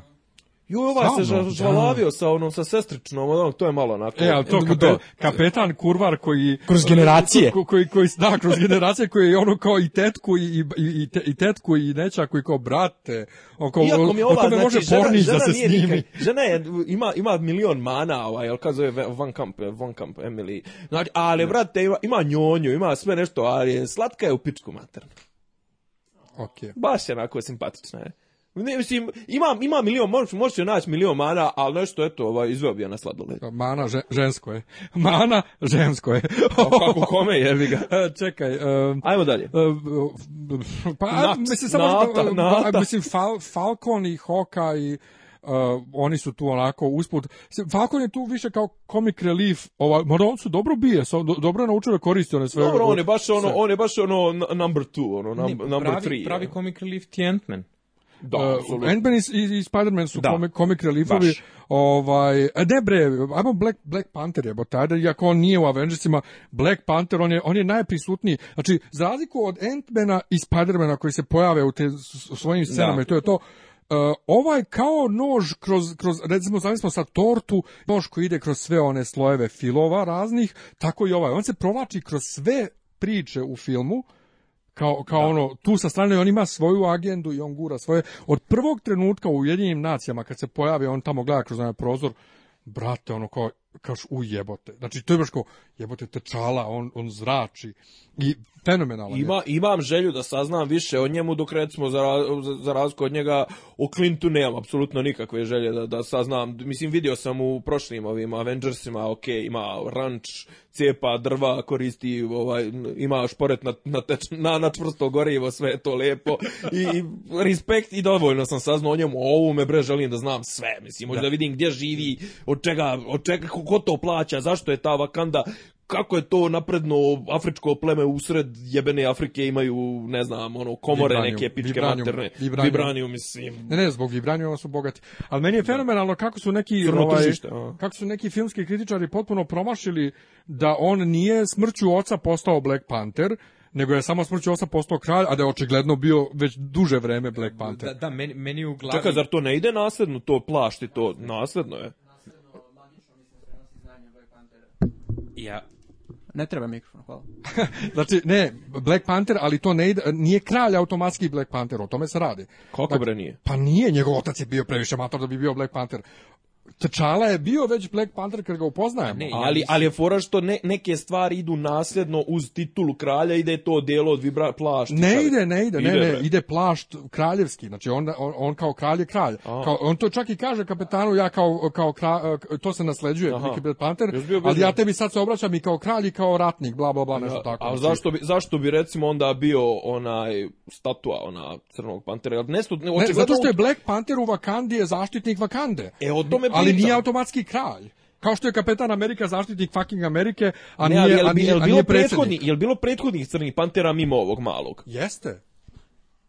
Jeste. Pa da. ko su bili, ali nisu kao pa, ne znamo, ne znamo kraljevi, bio, nego, nego... Pa nisu bili, aha, okay, možda na, neko e, je bio, ali e, to pa, ne o tome pričam, o tome ali, pričam. Ali mene samo zapanjilo da su ljudi u, koji su gledali ovaj film mislili da on u tom trenutku kad mu je otac umro postao Black Panther kao pojebote pa kad je um, um, stigao da navežba sve one pokrete ono. a u to ne, su mu to su mu download ovo je kao u Matrixu ne ne ne mi, mislim mi, mm -hmm. mislim da se ne mi, mislim da Drunken se trenirao od kad je klinec mislim da ima ceo taj ono fantom moment, znaš to bravo. kao s generacije bravo, na generaciju, bravo. kao kad se rodiš, počneš da treniraš. To. Ono. E, meni je da. fenomenalno, prvo što on... O, e, o, fantom nasleđuje prste na ovaj kao nasleđuju ono odeću. Nemo mi, Fantom je, prvo, ja kad se sjetim, ono je kao sa onije filmske adaptacije. Isto, sa Billy Zaneom. Sa Billy, Ze, sa Billy mrki, mrki podačnjaci Zane. Jao, e, ali ajde da se zadržimo na Black Pantheru. Dakle, e, prvo što, što se bori ko mačka, dakle imate, imate neke pokrete, da. E, što ima one super kanđe, rekao bi ljudi Wolverine, ovaj šije Wolverina, s onim, on je ogrebo kapetanu ovaj, čelik. Štit, da. Da. Ali uh, kako se fenomenalno tuče, ali on i bez odela se tuče kao mačka. Ona jedna sekvenca kad se svi tuku s Bakijem, uključujući Ironmana, da. ovaj uh, gde on padne na sve četiri ovaj e, tečala i kao, kao panter stvarno izgleda. Moram samo u tu se, se, se, sekvencu kad se tuku, kad Ironman onu svoju rukavicu malu, ovaj, mm -hmm. Ironmansku spravi, ima to i u traileru, kad mu Baki puca u ruku, dakle, da. hoće mu puca u facu, da ti vidiš na uh, licu Downija juniora taj šok, kao, u jebote ovaj meni hteo da puca u facu. Znači, Ali, to je odlično urađeno. Da, ima, ima super kada kaže it works ili nešto prokomentariše to kao kad pogleda i u ja vidi ovo radi Dobro, da, to je prvi put da proba da. ali Tečala ima isto razvoj znači on ima. u jednom filmu se pojavlja kao trećerazredni lik, tako reći, ali on ima razvoj od onog koji ganja Bakija da ga ubije iz osvete, do ono kao jebi ga njih je pojela ovaj, osveta, ja neću time da se bavim. Odličan je, odličan je. Ba, da. Vr, u vrlo, što ti kažeš, na, na vrlo malom prostoru koji mu je, koji mu je omogućen, lijepo se razvio, jer ovo nije Black Panther film, nije ni Avengers film, nije ni znači, kao eto, trebalo bi da je Kapetan Amerika, iako je Kapetan Amerika Tony Stark film, ali on znači ima tu fenomenalnu, ono, linearni naravni razvitak i kažem, jedva čekam da vidim njegov solo film. To da. Vision i Scarlet Witch, oni su u stripovima bili venčani u nekom trenutku, imali su imali su imali su umišljenu e, decu i svašta je to bilo. On mm on je sad e, u ovim novim iteracijama stripa on je sebi stvorio androidsku ovaj decu i ženu. Jebi ga proganja ga Vanda u, u mislima. Šta ne voli iOS, al ne? Samo Android. Dobro. Ovo su I pa, eto, besplatne reklame. O, besplatne reklame za jedne i za druge, mi prodajemo o, dušu. O, u, mogu misliti kako im je bitno. Da. e pa, njim, njima je svaka, svaka Ovaj reklama. suptilni product placement. Pa ne, ali jel postoji treća varijanta, mislim, za mobilnu... Windows. Op, da, vi, Windows. Da! ne, Ima za mobilne Linux. platforme. Ima Linux mobilna? Nema. Nema. Pa da. da. E, sve u svemu, oni pokušavaju sad i u filmu da stvore neku ovaj e, e, ljubav između njih i Vision je u ovom filmu služio uglavnom kao kao ovaj comic relief kad kaže I have an equation. pa da, ali mi... ali ali je njega naš ljudi se pitaju čekaj što njega drže toliko po strani kad je on najmoćniji od svih on može sve da ubije pa upravo zato njima oni neće supermena koji će da. dođe sve da, da da pobije nego su hteli kod njega napraviti taj razvoj da on želi da bude humaniji ljudski. I meni je super Hvala odnos je njega. ovoga Dona Čidla. Odnos između njega i ove Scarlet Witch mi je u filmu fenomenalno. Jeste, ma, malo je stokholmski sindrom. Ma, malo je ta, ta varijanta kod njih dvoje. I, ono... I plus ta kombinacija čovjeka sa ono u, u, ultimativnom logikom i žene da. koja je razdirana emocijama, mislim. Ovaj, ne, ali on je ne znam kako, ne znam kako uopšte teče taj u stripu, ajde objasni nam kako teče uopšte ta emocionalno razvijanje njegovo, jer ovdje još uvijek ne vidim, mislim vidimo neke sitne naznake, ono, ok, njemu je krivo što se to sve dešava, žao mu je što je ovog oborio, bla, bla, bla, ali ipak za, za, za, za prokreaciju potrebna je malo jača pa emocija. Pa kažem ti, prvo stripu on je stvoren drugačije, on je, on, njega su tamo neki zdi stvorili, pa on postao dobar. A, ta djeca koju dobiju u stripu nisu stvarna, njih Vanda, pošto ona vještica, ona stvarno ima te magične moći, koje očekujem u filmu da će se razviti dalje u tom pravcu kad Aha. se pojavi Doctor Strange, koji će da donese e, svu e, tu da, magiju. Da, da, mi, do da, da, sad, mi do sada u suštinu Marvelu imamo samo science fiction. Mi nemamo tu mistiku koju ćemo dobiti sa Strange. Joj, Miljane, volim kad se okreneš meni, kažeš djeco, kad pričaš sa Kruncem, pričaš ekavski, obožavam te. Dobro. To je moj to, to, to je tvoj čuveni feller. To je moj to, to je moj šprah feler da s ljudima iz Bosne pričam bosanski, s ljudima iz Srbije ekavski ono to. Treba nas viš kad smo u društvu da se priča engleski i njemački istovremeno, to je ono tek. Ali e, digres viš ko pravi digres. Ovaj popušta mi koncentracija, dakle, popušta mi beška, al o tome ćemo on, kasnije. Da, ovo će sve da ostane, da znaš. ovaj, neki ljudi čuju kakva se budala. I s kim ja imam posla svake nedelje, čekaj bar da jednom. Se, čekaj da se vala raspojasam prvi nekoliko smo bio iz prepadu epizoda. Dakle, Dobro. ovaj, ona napravi tu djecu, a ta Aha. djeca nisu stvarna. I on, tu cijeli kuršus nastane, a Dobro. posle ona tek poludi, potpuno pobije pola Avengersa, ubije Hokaja i onda ovaj, nastane to ludilo kad Magnito bude glavni na svijetu. Ne želim, što je, mislim, Hokaj mi je, aj, iskreno malo mi je da sam. Pa mi smo, ja sam očekivao da će njega da ubiju u prošlom filmu ali, ali mi je... Pa do, meni, mislim, on meni u filmu čak zanimljiviji nego, nego u stripu. U stripu je zabavno kad se vrati iz mrtvih pa je zbunjen što ova njegova bila. A, moguće. Ne, mislim da zapravo celo, celo to kao čuvajmo Bakije, čuvajmo ovoga, ostavimo kapetana Ameriku i to je ono što sam rekao za negativca. A, mislim da će to kad se pojavi Thanos, kada bude ceo taj Avengersi 3 i 4 što su trebali da budu 3 i po i 3 4 i po, i 4 i po da. Ovaj uh, mislim da će tada da ih pobiju. Ne, negde u mojoj glavi je to kao da ti gradiš ceo ovaj univerzum, zato što to, kada njima istekne ugovor, kada postanu previše matori, imaš taj, ono, vezao si se za publiku i onda je strašan emotional payoff da ti sad kao to pobiješ pola svog glavnog kasta i da bi nove kasto. Da, da bi kasto Fajgi, Fajgi je juče preključe nešto uh, u, u, tom smislu i rekao prvo Fajge. kao što se kao što se u stripovima ovaj uh, menjaju ko je kad kapetan mhm. Amerika, mm -hmm. ko je kad ovo, tako i ovde naprosto moraće se uh, rikastuje, ali mislim da je bolji um, bolji primer za ovo su ove Daily Soap e, serije u Americi, ove sapunice koje idu 40, 40 godina, da, neko da. idu 40 godina, onda logično da će da da jedan te isti lik glumi pet glumaca i ljudima to na kraju ne smeta, navikneš se, jednostavno ok, to je Amanda, nju sad glumi neko drugi, ali nema veze. U filmovima je to malo mm. drugačije, smo, smo se vezali, ali Slažem doći će kata naprosto do toga, ne, ne, moraće da rikastuju. Ne, ne mislim, ne mislim da to sad će da rikastuju kao to je Steve ne, Rogers da Kapetan da Amerika. Uradiće i to. Ne, ne, verovatno u nekom trenutku će da ga resetuju ali ovaj ali e, nisam na to ciljao. Ne, nego, čekaj, rekao ni to, neće desetovati. Sve ove priče koje sada grade će da važe i dalje. Samo imaćeš novog kapetana. Da, da, da, da u smislu kapetan Amerika će da bude titul, ali kao Steve Rogers će e, da umre, da pogine, da mislim, ne, da ga mislim da će, biti, da će biti Steve Rogers možda i dalje, ovaj, ali drugačije ne, neka, Sada, akrob, neka akrobacija će da bude. Vidjet šta će da urade, ali jeste, slažem se, na kraju faze 3 će 100% da ubiju dosta njih, jer to smo već i videli u Age of Ultron kada veštica pokaže da. Iron Manu. Sve. Znači, tu će biti neko veliko sranje i oni su svakako najavili da će faza 4 biti nešto potpuno, totalno drugačije i novo. Što spomenu... all new, all, all amazing, all different. To, to sad Marvel ima u, u novi, all, all new, all different. Marvel, Aha. to su im sad trenutni tagline za sve okay. stripove. Ti si već već pomenuo, mislim, ako su mogli ljudi da naprave prelaz sa Sean Connerija na Rodgera Mura, što ne mogu, što ne mogu. mislim, to, ako, ako možemo taj twist da progutamo od ono moćnog e, runjavog škota na, na ono... Ima, ima ta sjajna teorija. Gej, gej mislim. Ne, ima, ima ta sjajna teorija da, da je James Bond titula da, se, da je to nasledno ime za, za, za tajnog agenta. Da, da, da, 007, da se oni zovu kako god da se zovu, da, nije da, ni da. bitno. Pa to ko Da, a kao da, da, da se nasleđuje ono, jedno te isto ime u krug. E, e ali uh, James Bond je zapravo super super primer da imaš recimo mm -hmm. da je to isti čovjek.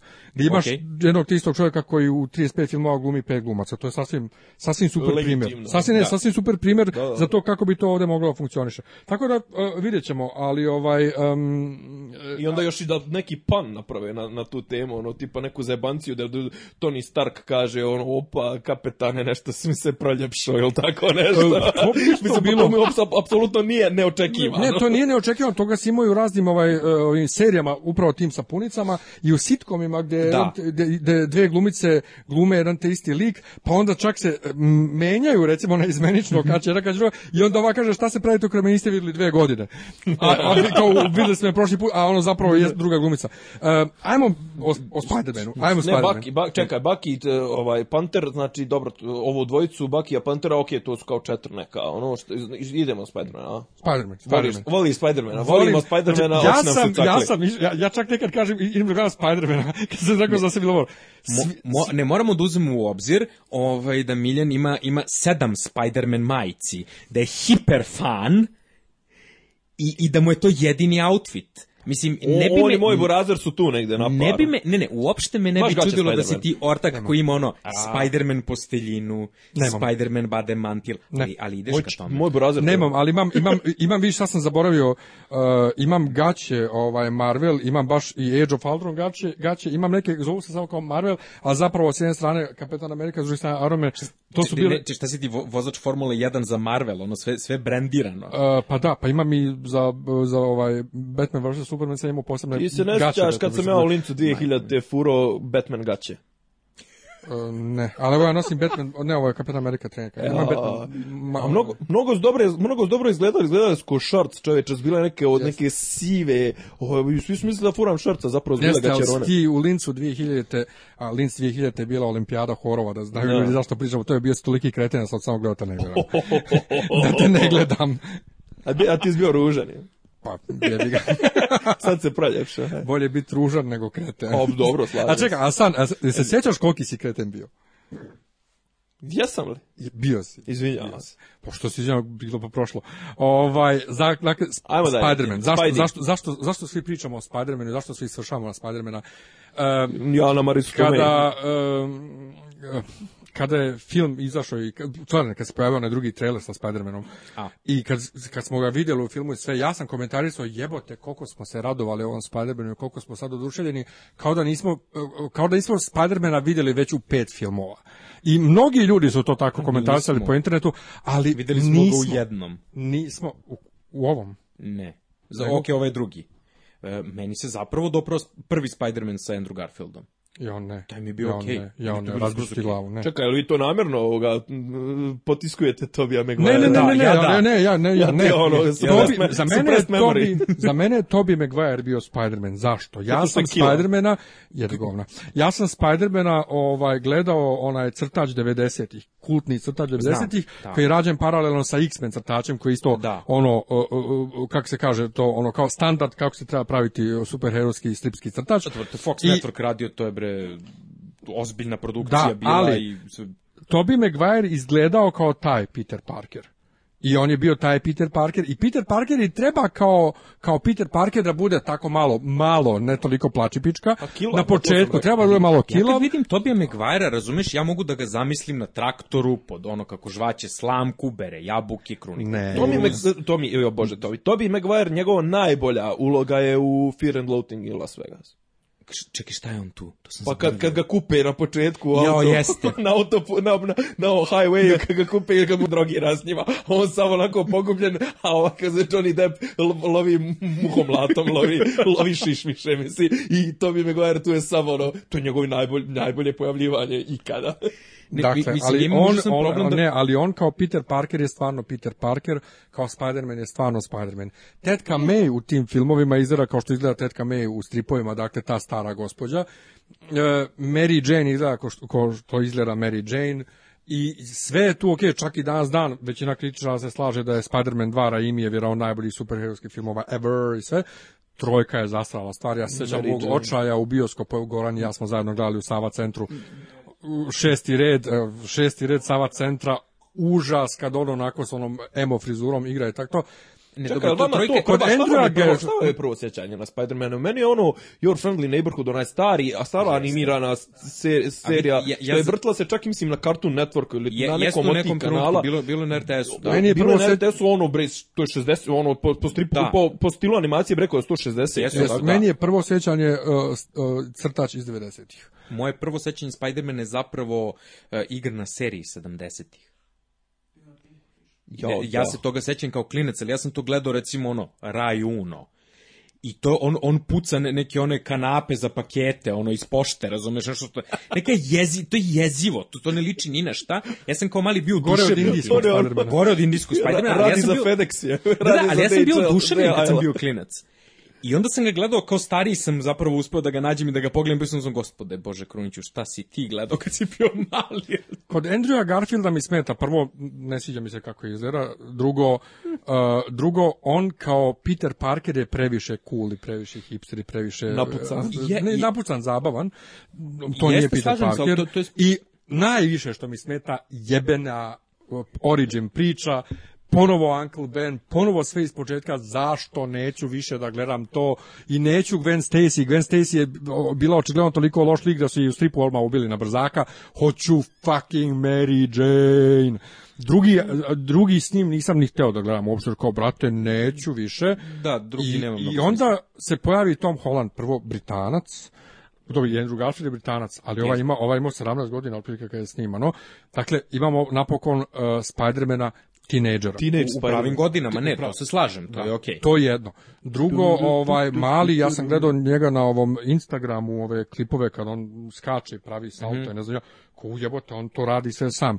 Chris Evans je pričao u nekom intervju, pošto oni radili screen, ove, da, da, screen, testove zajedno, snimali su ih, da on došao, poslednji je došao na audiciju mm. i da je bilo ono kao, aha, piše Spider-Man flips in, znači on skoči u da, da. scenu da. i pita on njih kao, to, da uradim to, oni svi, ne, ne, ne, a ova dvojica, ovi Rusovi, da, da, da, i on ladno u kadar je uskočio, to je ona scena kao Mortman štit, da, da, da. on je uskočio tako ovaj, u, u scenu na screen testu i ono, superhero landing, što kaže ovaj, ovaj Deadpool na jedno koleno i savršeno je to uradio na screen testu, dakle to kao wow, pro to e, fizički sprema Spider-Man i nešto što je neko primetio iz Amerike što mene ne bi uh, ni pao, on priča za razliku od ove prethodne mhm. dvojice mm -hmm. koje priča s nekim srednjeameričkim akcentom, on mm priča kao dete iz Queensa. Dakle, on ima Queens akcent, prosto je mali Engles sa 17 godina, ok, super se glumčina, da. ali i stariji glumci, Benedict Cumberbatch se mučio sa američkim akcentima. No, da, ovi da. pričaju Ovo... Ovaj- neutralni američki. Da, da. ovaj je da. skinuo ja. Queens Queens akcenat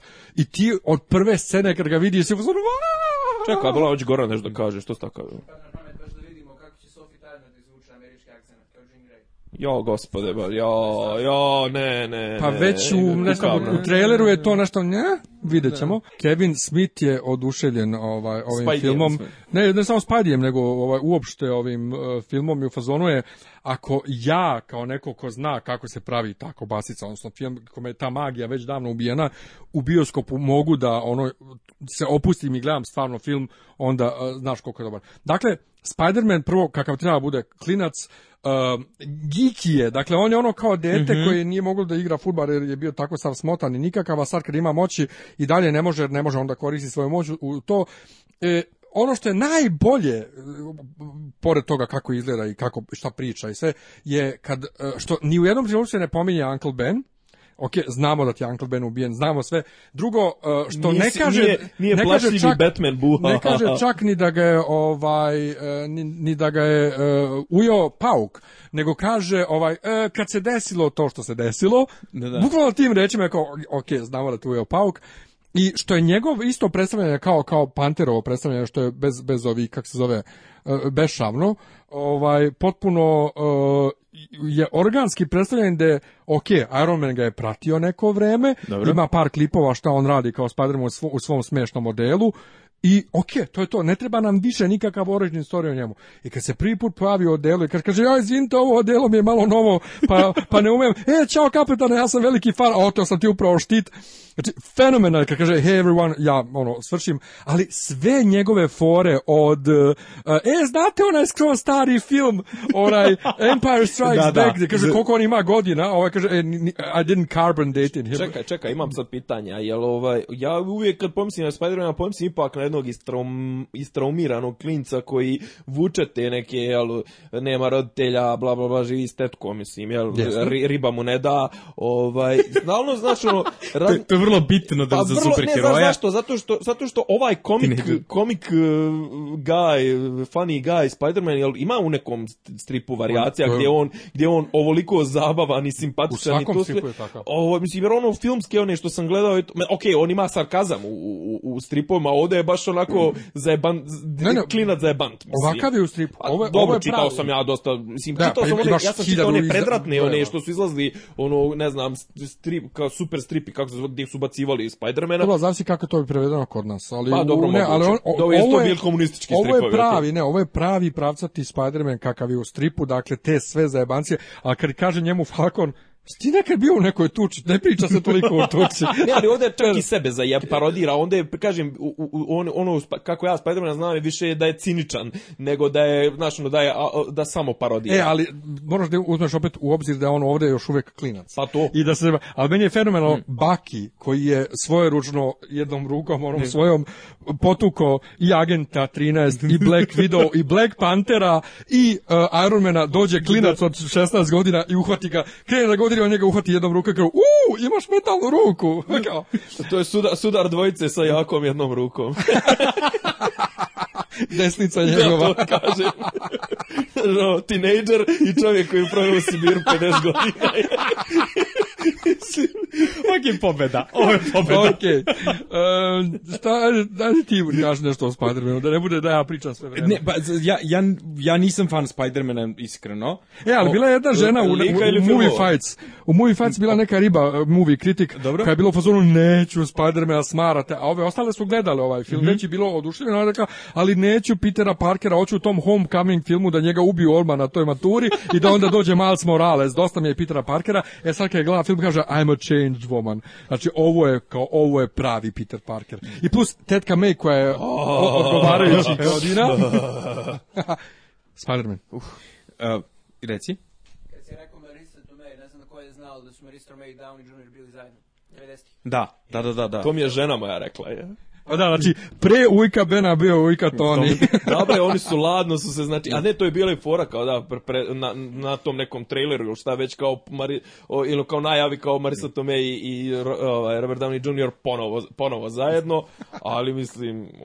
Ne, ti ne voliš Spider-Man? Ne, stvarno ne. Mislim, al, ne, ovdje... Ali on je okosnica Marvelovog univerzuma on je najjači Marvel. Pa, dobro, ali kao ja stvarno nisam neki fan, kao ne Zašto? smeta mi. Zašto? Ovde mi je super. Zašto? Lika Nije mi zanimljiv. Na, naprosto me uopšte me ne, ne interesuje. Ali ti si debeli klinac koji, koji, koji koji verovatno su u školi za ne stani ćuti koji su verovatno u školi zajebavali i i trebao bi da se identifikuje. Jeste, ali se ja nisam identifikovao sa njim. Imao, s kim se ti sa blobom? ne, ne, ima, Blob, Blob je iz X-mena veliki debeli da, da. mutant. Da. da, da, da. Ovaj, da, da. ne, ne za, nikad, nikad kao klinic nisam Glaučan. identifikovao sa superherojima. To je jako zanimljivo. Zašto? S kim, se, s kim se ti identifikovao? Kao baš mali, sa Johnom Wayneom. Iz nekog razloga. ja sam o... sa Texom Willerom. Ne, to je, John Wayne je došao pre nego što sam naučio da čitam. A, okay, okay, Ove, a onda kada sam kao, aha, ovo su slova, okej, okay, onda možemo da, da idemo dalje, kao sa, sa Texom Willerom, sa Zagorom. meni je prva identifikacija je bila ovaj, sa, sa filmskim junakom i to je bre ostale smo i traume iz djetinstva od Dustina Hoffmana iz Marathon Mana. Znači, od, od tad kod Zubara ne smijem da idem. ja, šta kažeš, šta kažeš za ovog Spider-mana? Ne, ovaj Spider-Man mi, mislim, ja kažem, meni se dopao Andrew Garfield kao u prvom Spider-Man, bilo mi je zabavno, bio sam u fazonu, ja stvarno ne mogu to Ova i dalje je priča o prvom Spider-Manu tom, on kaže, Jeste? i dalje je ono pot, potire Tobija Maguire. Mislim, potire ono... Tobija Maguire, ne mogu to trauma. Pa, Vidim da si ono blank ti. Ono. a, ovaj, a onda kao, bio sam u fazonu, dobro, okej, okay, drugi film je baš pakao, to je baš jezivo, sa, sa ovaj Garfieldom i onda kao ovaj klinac to kao kastuju klinica sam uzmano ok strava zato što Spider-Man jeste klinac. On to ima nešto sa 16 17 godina koliko već ima. Da, e, i, ka, u odnosu na sve ostale vidiš kako je nizak i tako. Da. On i treba takav da bude. Pa, ne, ne, to, sve to što nije Wolverine ja, tako koliko, nizak. Koliko sam provalio, da, upravo to sam ti da kažem, mm. gledao sam negde na infografik tipa Wolverine je ono čovjek 5'3, uh, da, da, da, da, da. A da. on ti je malo veći od Tiriona. A mučenik. Ne, pa, To, to, ne, to što su kastovali Hugh Jackmana, to, to je samo... Ludost. Uludost, pa ne, ali to, to je to, kao kastovo si čovjeka sa harizmom koji ti dobre kast, ali kao da. nema apsolutno nikakve dodirne tačke. I žene slu, sa... ono, puštaju slu. E, ali, da. mislim, ali Hugh Jackman, uh, uh, kako kažem, isijava esenciju Wolverina. Ne, nar, slažem se. Ponašanje se. Marcen glumi, da. Mora da nosi platforme, zato što je bio niži i od Jackmana i od ove Funk Da. A to Funky visoka konjina, ono Funky Jansen 1,90 pa. Do, ho, ho, ne, holandska manekinka, ne bi smela žena... ona je šve, šveđanka. Funky za zar nije da, nije šveđanka, ona holandžanka, je holandžanka. Ujebote, što ne ubeđu da ona šveđanka? Ovo je drugi put, ovo je drugi put da tvrdi da je šveđanka. Ona je, ona je više za... Da, da. E, da, da. da Rob Melisandre. Carski, zato što ona je igrala u ovome... I Rebecca Romain Stamos. Ja, bre, kako se zove? Deep Rising. Uh, Stevena Summersa, gde ona više za glavu od Trita Williamsa, to je da. sad. Ja zamislim onda da staviš nju pored Toma, Toma, Toma ovog... Um, Hardija? Ne, Toma Cruza. Hiddlestona. ovaj... Da, Tom Cruise je malo niži od mene. To je nešto 1,70 ono. Pa da. da, da on, je, on, je, on je patuljak. E, ali mo, moram sad opet mm. digresu kad smo već pričali o X-menima. Mm. Famke Jansen je rekla da je seksizam kriv za to ovaj, što... Što e, glumi su... žensko. imajući u vidu da što je starije sve više ortak, to je tačno. ja pokušavam, e, ja, ja uporno... Ali ona dude ubra u roundersima, mislim, ja, ja je tu volim. E, ali ja uporno pokušavam da kažem neku rečenicu, ova me minira non stop. Dakle, Ona je rekla da je seksizam u Hollywoodu i uopšte kriv za to što u X-menima novima uh mhm. -huh. su recastovali ove uloge što sad Jean Grey glumi neko drugi. Ženo, imaš 50 godina, ne možeš da pa. glumiš klinkor 15 godina nikako. Da. Svati. Da, Kakav ja da glumiš To je, e, to je možda ageizam, ali nije, brate, nije ageizam ono kao mani se. Pa dobro, nisu e, svi e, Tom Cruise da stare unazad. Dakle, Spider-Man, ovaj Tom Holland, pusti Andrewa Garfielda, ovaj Tom, Tom Holland. Holland je strava dobar je, super je zabavan, super je kao cameo. Nisam siguran da ću ok, lažem, gledat ću u bioskopu Spidermana zato što gledam sve da filmove da ikad. U celo, u ali nisam siguran da, da me, ići ću iz neke radoznalosti kao da vidim, ali nije sad da me nešto loži da idem da ga zopšte gledam. Inter, ono. Iz opšte kulture, kao zbog opšte kulture. Bukvalno, da, zbog opšte... Opšte Pa da. E, gledao je braću po babine linije, mislim. Tačno. gledao Spidermana. To je tačno. A posao je posao. ali, ove, ali da, zapravo kao super je, super se uklapa, do, dobra je između njega i, i ostalih ovaj, kako ono kao likova tako i glumaca. E, ali sa svima sa svima dobro funkcioniše. Da. Ovaj e, kako se tebi čini Spider-Man? Ma super je, super je, stvarno, ma, ovaj, kaže, meni, meni je osvježenje, znaš, ma, meni je uvijek ono što sam ja gledao i čitao i to, me, možda zato što sam čitao kao suviše, suviše mali i te varijante, te tamo 70. 80. 80 ti reprinti, šta već je stizalo kod nas u Spider-Manu. Spider-Man je bio uvijek, imao je tu dozu mra, mračnog, imao je nešto dozu onog, ovaj bre skroz je sav sija, mislim, ono, veseo je ko, ko, ko Pa klinac, imam novo djelo! A, bukvalno. Uh, ali ali e, meni je druga fenomenalna stvar u filmu i to e, kao što za Guardian se niko nije očekivao, ja prosto sam bio fazonu ko to hoće da gleda, ono ispade fenomenalan film, hmm. tako je za Ant-mana ono kao koga to zanima, šta će e, i Pola Rada ne voli, mene Pola Rada još kad smo već pomenuli da. Fibi u prijateljima me strašno ovaj, ne, ne, ovaj išao na živce. brat, kako se zove retardirani brat? Um, je li on My Idiot Brother? Nije, nije, ne, šta je on? Ne, znam. My Idiot Brother. Mm men se čini da je to, mislim, ne, ok, ne pamti, ali tu, tu mi je još kao ajde najsimpatičniji to, ali stvarno njegovi filmovi su mi vrlo, ne, zabora, ja, vrlo ja, zaboravljivi. Ne, ja imam njega, znači on i Ben Stiller su mi ono kad ih vidim na platnu ili na ekranu, ko ne mogu, smaraju me. I dodaš on, ovoga, dodaš ovoga, kako zove, Adama Sandlera i ovoga Vila Ferrella i dobiješ on četiri ahača. E, otprilike, jeste. Da. apokalipse. To je, e, jeste, jeste, ja jeste. S tim što Sandler mi je tu sad ćeš je umro od smeha, najmanje problem. Najmanje znači, zlo. Najmanje zlo mi je Adam Sandler. No, obzirom da snima 200 filmova godišnje, ono kao ajde u jedan mu zabode. Da. Mislim, jo, meni je Zohan, meni je Zohan njegov bio super, jevrenski super heroj. Ja, ja, ja imam svoj omiljeni Ben Stiller film. Zapravo, koji... Tropic Thunder. O, pa tu je Downey Jr. to, tu je Downey Jr. što kaže... Tebe, ovaj... to ova parodija na, na akciju nekih. Da, na Platunu, da, na da, da, sve. Da, to je da. odlično, da. Tu, tu kaže, tu kad se žali, kad se žali eh, Hugh Jackman što on dobija samo da vodi Oscara, nije nikad nominovan, kaže, ja sam iz Australije i glumim u filmu koji se zove Australija i glumim Australijanca i samo vodim. Robert Downey Jr. glumi uh, belca, plave kose, koji e, glumi... E, Jelca Miljana. Ne, on, on Amerikanac, da. on Amerikanac, e, sa, sa tamnim očima glumi plavog australijanca sa plavim očima koji glumi crnca i on je nominovan za Oscara ono, da, da, da. tako da Spidey je super. Spidey je super. Tetka je, ali tetka je još bolja. Da, ali Ant-Man, Ant kad, kad on dođe, prvo njegovo oduševljenje što je upoznao kapitana da. Ameriku. I onda koliko god da se oduševiš momentom kada Spidey otme kapetanu fucking Americi tek tako ovaj štit, štit.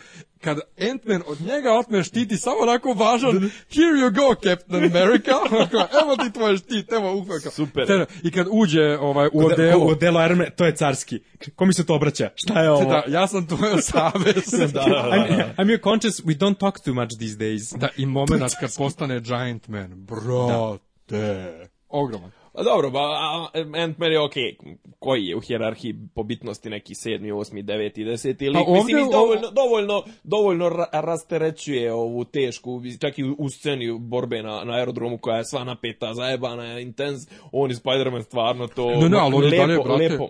Ali oni e, dalje jebe kevu kako tuče se. do... Da, ima, da, ima da, da, da. u fajtu, da, da, da, ima da, smisla ima, zvati ima, ga u bar fajtu. Da. Slažem da. se. Odlično. S tim što je meni malo žao, malčice žao što on nije u filmu isto kao u stripovima Hank Pym, koji je vrlo bitan član Avengersa. Uh, Hank Pym, to je Michael da, da, Douglas. Da, da, da, da. Član Avengersa jako bitan i jako pametan i on se to pravi ovde leng, ali on neizmjerno je zabavan. Dobro, ali meni je drago, hoćemo sad na ove što nam ne bilo žao da pandraknu ovi likovi. Po war mašinu.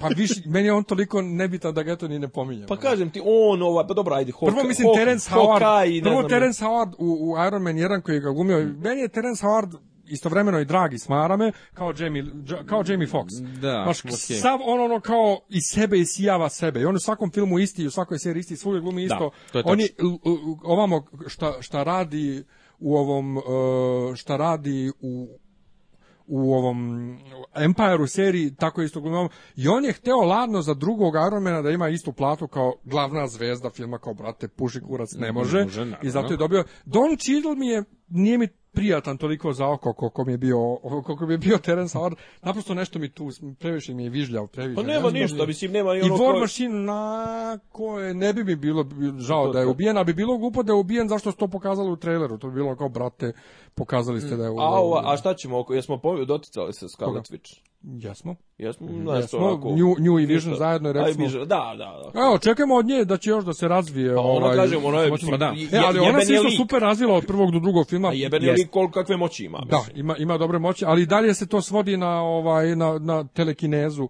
Nema, nema još ti uh, reality altering. Nema, meni, meni je super što se vidi da se malo muči sa time što ima. Mm -hmm. To mhm. mi je carski. Što zapravo, eh, ja sam u, u, u, u ovom, u Age of Ultron, bio u fazonu, aha, dobro, kao to sad ona ima neki neke superherojske moći, uopšte ne kapirajući da ona riba ne zna šta radi. A ovde vidim da ona apsolutno nema pojma. Mislim, ne nema pojma, nego naprosto niti dobro barata time, niti je sigurno u e, sebe. E, ne, ali bolje barata nego u Age of Ultron. Ne, ona, da. ona bre iz one, iz, one, iz one bolnice u Nigeriji izvadi ovaj, mm. E, svojim moćima ovaj, e, suzavac. Da da, da, da, da. da, da, I ne. kapetana ubaci gore u onu zgradu i sve. Jeste, ali, ove, ali vidim da, da ima poteškoće, pogotovo pa da. se vidi u, u fajtu na aerodromu, da ne može baš sa to da se fokusira fokusira, nije to baš sad kako se Ali je da sjebala da viziju. Jesmo, jesmo Dobro, ali sve ove heroje. Jesmo i sad jesmo. možemo da, da, da, da krenemo na posljednji deo. Ne, to ćemo pipa to, kakav vam je Bilbo Baggins? Ne, ne, ne, ne.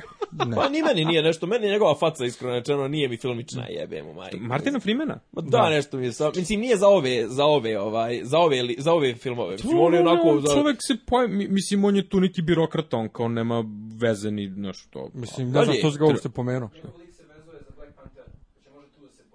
Aha. Dobro. Kao i ovaj Serkis iz uh, Ultrona. Da, da, da, da.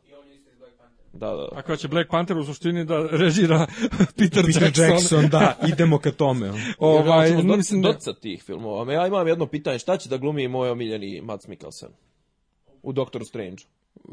negativ nekog negativca. Mislim on ima tu glavu ono. Ma on ima za sve brate. Ali mislim to to mislim ćemo kad bude film ono samo. E, moj problem je tome što što, što Mads Mikkelsen u poslednje vreme uvek jedan te isti lik. On je on je sada trenutno ono ovaj Hannibal, Hannibal Lecter da, da i kao ne može da izađe iz toga. Nego, dakle, da lagano privodimo mm. kraju, da uporedimo sa Batman i Superman. Ja sam, e, pre što su jedan od, od filmova izašli, e, e, po trelerima i po priči koju znamo šta će bude, znao da će bude nešto slično i znao sam da će ljudi da porede, a protiv sam poređenja jer ono kao e, ne može da ovo je ovo je napravljeno da bi se stvorio univerzum, ovo drugo je posljedica 8 e, godina filmova i pre 10 godina stripa ima dakle organski je povezano, ali kad pogledaš jedan i pogledaš drugi vidiš da stvarno u suštini osnovna tema ista. Odgovornost superheroja za ono što rade, e, za uništenja koja dolaze kroz njihove akcije, centralni sukob između dva glavna lika Jeste. i postavljanje pozornice za dalje. I čak i negativac i kako negativac radi, šta radi je ispalo slično i Marta momenat i ovaj e, ali, da, preokreta. slažem se, ali, e, ali u pravu si što je organskije. Marvel ne, ali ajmo, sad, ajmo sad redom. Zašto recimo to e, to, ta priča o odgovornosti superheroja za ono što rade funkcioniše u Civil Waru, a ne funkcioniše ovaj, u Batman vs. Superman. Ja ću samo reći da je moj osnovni mm -hmm. problem sa Batman vs Superman, a sviđa mi se film inače i sviđa mi se taj pristup DC likovima da meni kao nekome ko ne voli DC i ko nije čitao DC približi tako da ja sad želim da čitam DC. Aha. Dakle to mi je uspeh toga, ali razumem kad fanovi ovaj koji prate DC su zgroženi kao što sam ja zgrožen onim što Fox radi sa, sa X-menima. Ali mislim da je najosnovniji problem uh, Warner Brothersa, odnosno DC-a, to što su prvo bili u fazonu, ha, ha, vidi Disney i Marvel prave filmski univerzum, to nikad neće uspeti, a sad kad je uspelo, u, hoćemo i mi to, ali ajmo u dva filma. Pa da. Ne možeš, brate, ono što se radilo osam godina, ne možeš strpati u dva filma. Šta ti misliš, da, zašto dakle funkcioniše u Civil Waru uh, ta priča o odgovornosti, ovde ne funkcioniše? Zato što upravo to, ne može dva filma, zato što dolazi organ, zato što kod Marvela to dolazi organski, dolazi planski a Warner, to jest DC je u fazonu, ajmo sad ono, da nakrcamo sve. E, zanimljivo je, na primjer, da, da DC mnogo bolje funkcioniše na televiziji. Njih... I u crtačima. I, dobro, ne, nisam gledao crtače u poslednje vreme, pa kao ne, ne mogu da pričam. I u igrama. N, nisam igrao, o Batmani su Ne, ne, i, pa, okej, igrao sam prva dva Batmana i to je strava, ali ja volim ovaj... tu mra, mra, mrak taj, ne, ne. volim to mračnu atmosferu. Okej, okay, kada imaš taj kao e, e, kada lično možeš da utičeš da, nešto, da, da, da. ali je e, što se tiče to kao neko je pisao, ti si samo ono voajer koji to prati. Ne, ali generalno o... likovi su u tim igrama, vidio se kakav je Joker, kakvi su, ne znam, ne, mnogo jeste, su mračnije ali, ali vuku, uh, oni zapravo vuku koren iz crtača. Aha. Mislim da je to. Mislim da Joker u igrici, valjda ja to negde povezam zašto mu Mark Hamill daje glas, pa kao... Mm -hmm. o, molim? Ba, o, ja pričam prva dva koja sam igrao, ne, ni, ono... Kevin Conroy suda. Da, Kevin Conroy je su, svuda Batman. Ove, mislim da vuku to kao ko, korene iz crtaća, pa su u fazonu ono, crtani film klinci, klinci su sad kao više furu igrice nego što, nego što gledaju televiziju. Ove, Previše toga pokušavaju da stave u jedan film. Da, Da Zato što... A da bolje, a da bolje funkcionišu na televiziji, to je Ne, ne, da, ali bolje funkcionišu na televiziji jer gledam recimo, dobro, Arrow im je ozračio činjenica, ali kao prve dve sezone su sasvim okej, okay. ja imam neki razvoj tog nekog tipa koji je to kao običan tip koji je navežban, koji nije inicijalno superheroj, ergo Batman, o, koji dolazi kući to kao gadget i tralala. Imam uh, Gotham, koji je ozbiljna ono, neo-noir serija vrlo se ozbiljno bavi svojom temom. Bilo je super dok Krunić nije otišao i pogledao obe sezone Daredevila i onda bio u fazonu zašto ja gledam svo ovo smeće. Pa to upravo kažeš, kažeš da je DC bolji na TV-u, a imamo Marvelove serije na, na... Ajde što imamo Agents of S.H.I.E.L.D. koja je ono uh, light, recimo light varijanta, da. iako, je, iako je, meni je zabavno jako na tom nekom nivou, ali imaš uh, Daredevila i Jessica Jones koji su ono... Mene je Jessica Jones ozračila i to me ozbiljno ozračila. Nije se dopala? Ne, uopšte. Znači ja sam gledao kao Daredevil i bio sam u fazonu, ok, postoji tu kupovina vremena to, ono, malo glume u zid i tako dalje, ali kao Netflix mora se popuni ono klot čuka vremena, nema reklama, nema ničega.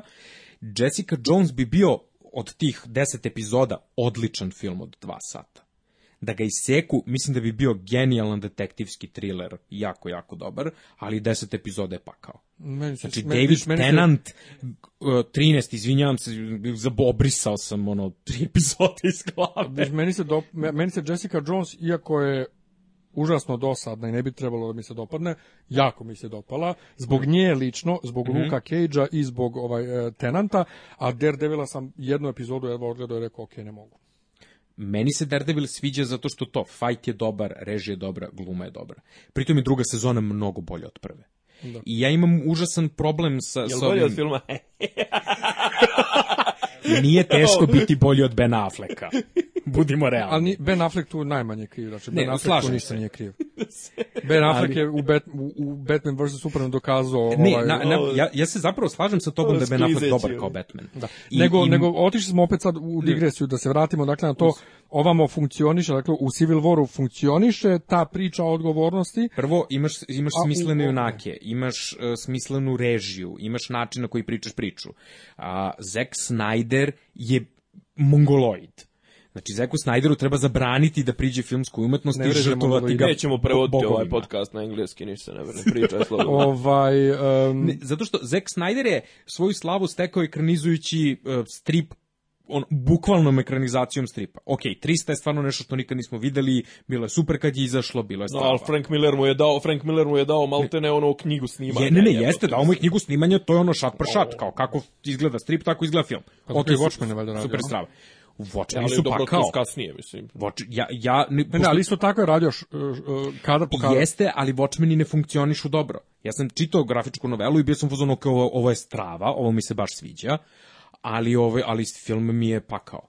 Mislim, ono, znači, goli doktor Manhattan, velika plava piše na velikom ekranu, ja sam u fazonu. Ne je bilo zanimljiva postavka, ali baš mi je loše izvođenje bilo tog filma, a jednostavno, mislim, dobri su, zanimljivi su likovi, zanimljivo je Jeste, okruženje, ali... zanimljivo je sve, ali fali mu nešto, fali mu ritma, fali mu... Fali mu talenta za, za režiranje. Ne, ne, fali mu talenta za režiranje. Ne mislim da je Zack Snyder loš zanatlija. Ne, nije, sve to na mestu. Ali mislim da mu fali taj ta, malo talenta da bi To je ono što ti čini razliku. Pa naravno. I pa da. dok imaš ovamo film od dva i po sata i ovamo imaš film od dva i po da. sata, ovamo ti e, montaža ti je čudna i nekako su raspoređene čudno sve sekvence, previše je mračan film u smislu ne, mraka, prvo, ta, imaš e, tame, a slažem kod Marvela je dovoljno svetla prvo, ima i... Da, da, ali problem, problem je u tome što je Nolan čovek koji rukovodi, koji je producent. I, ovaj, I Warner je to kao, aha, imali smo te super strava Batmane koji funkcionišu sticajem okolnosti pošto sam gledao sva tri Batmana, ova Nolanova, bio sam u fazonu prvi je još i najbolji. Meni jer, je najbolji jer, kao, Da, da, zato što on najbolje funkcioniše kao film. Da. Drugi je strava, ali drugi počiva na, na plećima ovaj, pokojnog... Rahmetli, da. Da. Ja, bre, kako se... Ledger, Hita Ledger. Hita Ledgera, da. I kao... Ovo, I da nije njega, taj film bi bio užasno smeće. A trojka je ne, negledljiva, a pritom svaki traje malo duže od onog prethodnog. A ti si upozno... A svi sjeku vene na, na ovoga Hardija i... Niti ti ću se izbode. Ne, ja hoću da se izbode. Mislim, meni je, meni je prvi naj, najnormalniji, najsvedeniji, baš i zbog, Jeste. i zbog ovoga Nisona kao negativca. Da, da, da, da. Ne, sve je okej. Okay. Sve ima sve mjeru, super. ima mjeru, a ono je kasnije pretjerivanje. Slažem se. I sada da ti imaš to kao, ne, mi ćemo da napravimo Supermana da bude to kao prizemna, ono, ljudska drama. Znaš, meni se to dopada, kao, Man of Steel. Ne, Man of Steel se i meni dopao kad sam ga gledao u bioskopu. Moja zamerka za Man of Steel je što traje predugo. A ja Man of Steel nisam gledao u bioskopu zato što mi onaj prethodni e, Superman Returns bio meni je taj bio još i okej. E, a to opet ovaj, je Benny Snyder. Ovaj, e, Singer, Singer, to je Singer. Mislim na njega. Ali ovaj ali kao Steel je bio u fazonu kao da to je super osim onog fajta 45 minuta na kraju kad ste ajde ajde ljudi ono završite ovaj pa da idemo pa kućama. Superman je postavljen tako da je on on on je sunce, on on je Ne jeste, ali meni meni smeta u Man of Steel zato što je sve ono sivo, tamno, odvrtno. To vizualno da. Jer ja sam, pošto na internetu su se iscimali neki ortaci, kao vratili su color grading. Napravili su ga da izgleda kako Superman treba. Ja sam uzmano, ok, ovo je tri put bolji film. Isekli su trailer od tri minute i vratili su mu kao sve boje, vrat ovo je do da, da, jaja. Do, do, dodali kako, saturaciju. Jo. Dodali saturaciju, da da, i kao, zato što postoje fotke sa snimanja gde on to kao jarko crveni plašt, on je u plavom, ono, kako Superman izgleda. Jer da, ti ne bukvalno kao da ti je prevučena neka ono koprena neka ona. Pa je, ne, kao, ne, da kao da gledam Supermana kroz Batmanovu masku. a da, Daško, Daško Roganović to kaže Instagram filter. De, pa jeste to Instagram filter filmovi. Kao, kao da, da, gledaš kroz maramu nečiju ono, ono da, da, da. kroz to, krljuš neku. kaže je prednost, prednost, civil, prednost Civil War opet nad Batman vs. vizuelno. Absolutno. Jeste vizuelno čist, čisti da, film čistije. i, i pit, mislim pitki ok, ono lakše ti E da, ali jedna stvar isto, ja sam Batman versus Superman gledao i 3D i 2D Uh, Izrado 5D. U, 2D, u, čak i, znači prvo što je 3D očajno urađen Jeste. i glava te zaboli od udvajanja slike, ali i u 2D, do one scene tuče koja je u IMAX mm. snimana, mutna je, nije slika uopšte e, čista, mutna je slika, tek, tek je potpuno jasna slika kad krene IMS, IMAX sekvenca i kao, čekaj, zašto je, zašto je napravio ovoliko mutan film? Um, si Civil War, jesi gledao u 2D? Hm? Jesi gledao Civil War u 2D? Jesam. Eto, onda možeš da pričaš. Čist, čist je. Uh, ali mislim, pazi, ako je čist 3D, 2D ne može da bude mutan. Pa o 2D, ovaj... ne, ne, ja sam gledao samo u 2D. Ne, ne, ali pazi, i, i nema, ako sam, ja, ako sam da ja za Civil War rekao da je dobar 3D, to znači da 2D ne može biti Absolutno. slika ne, da, da, loša. Ne, ne, ali e, sukob glavne dvojice junaka. U oba filma i sukob ovaj instrument instrumentalizovan to jest izveden od strane treće osobe koja ima svoje neke motive dok se meni dopao Lex Luthor kao ludi ovaj Eisenberg i ok mi je lud je zašto je lud i vidimo da on zna nešto o tome što će se desiti, to je sasvim jasno bilo i pre nego što je Warner pustio na internet onu dodatnu scenu iz filma samo par dana posle premijere, e, opet u Marvelu ti imaš, čak i ako se lik prvi put pojavljuje, imaš olma jasno, bez nametanja iz, eksposit... izbačenu njegovu ovu agendu, to jest njegovu motivaciju. lika. Motivaciju.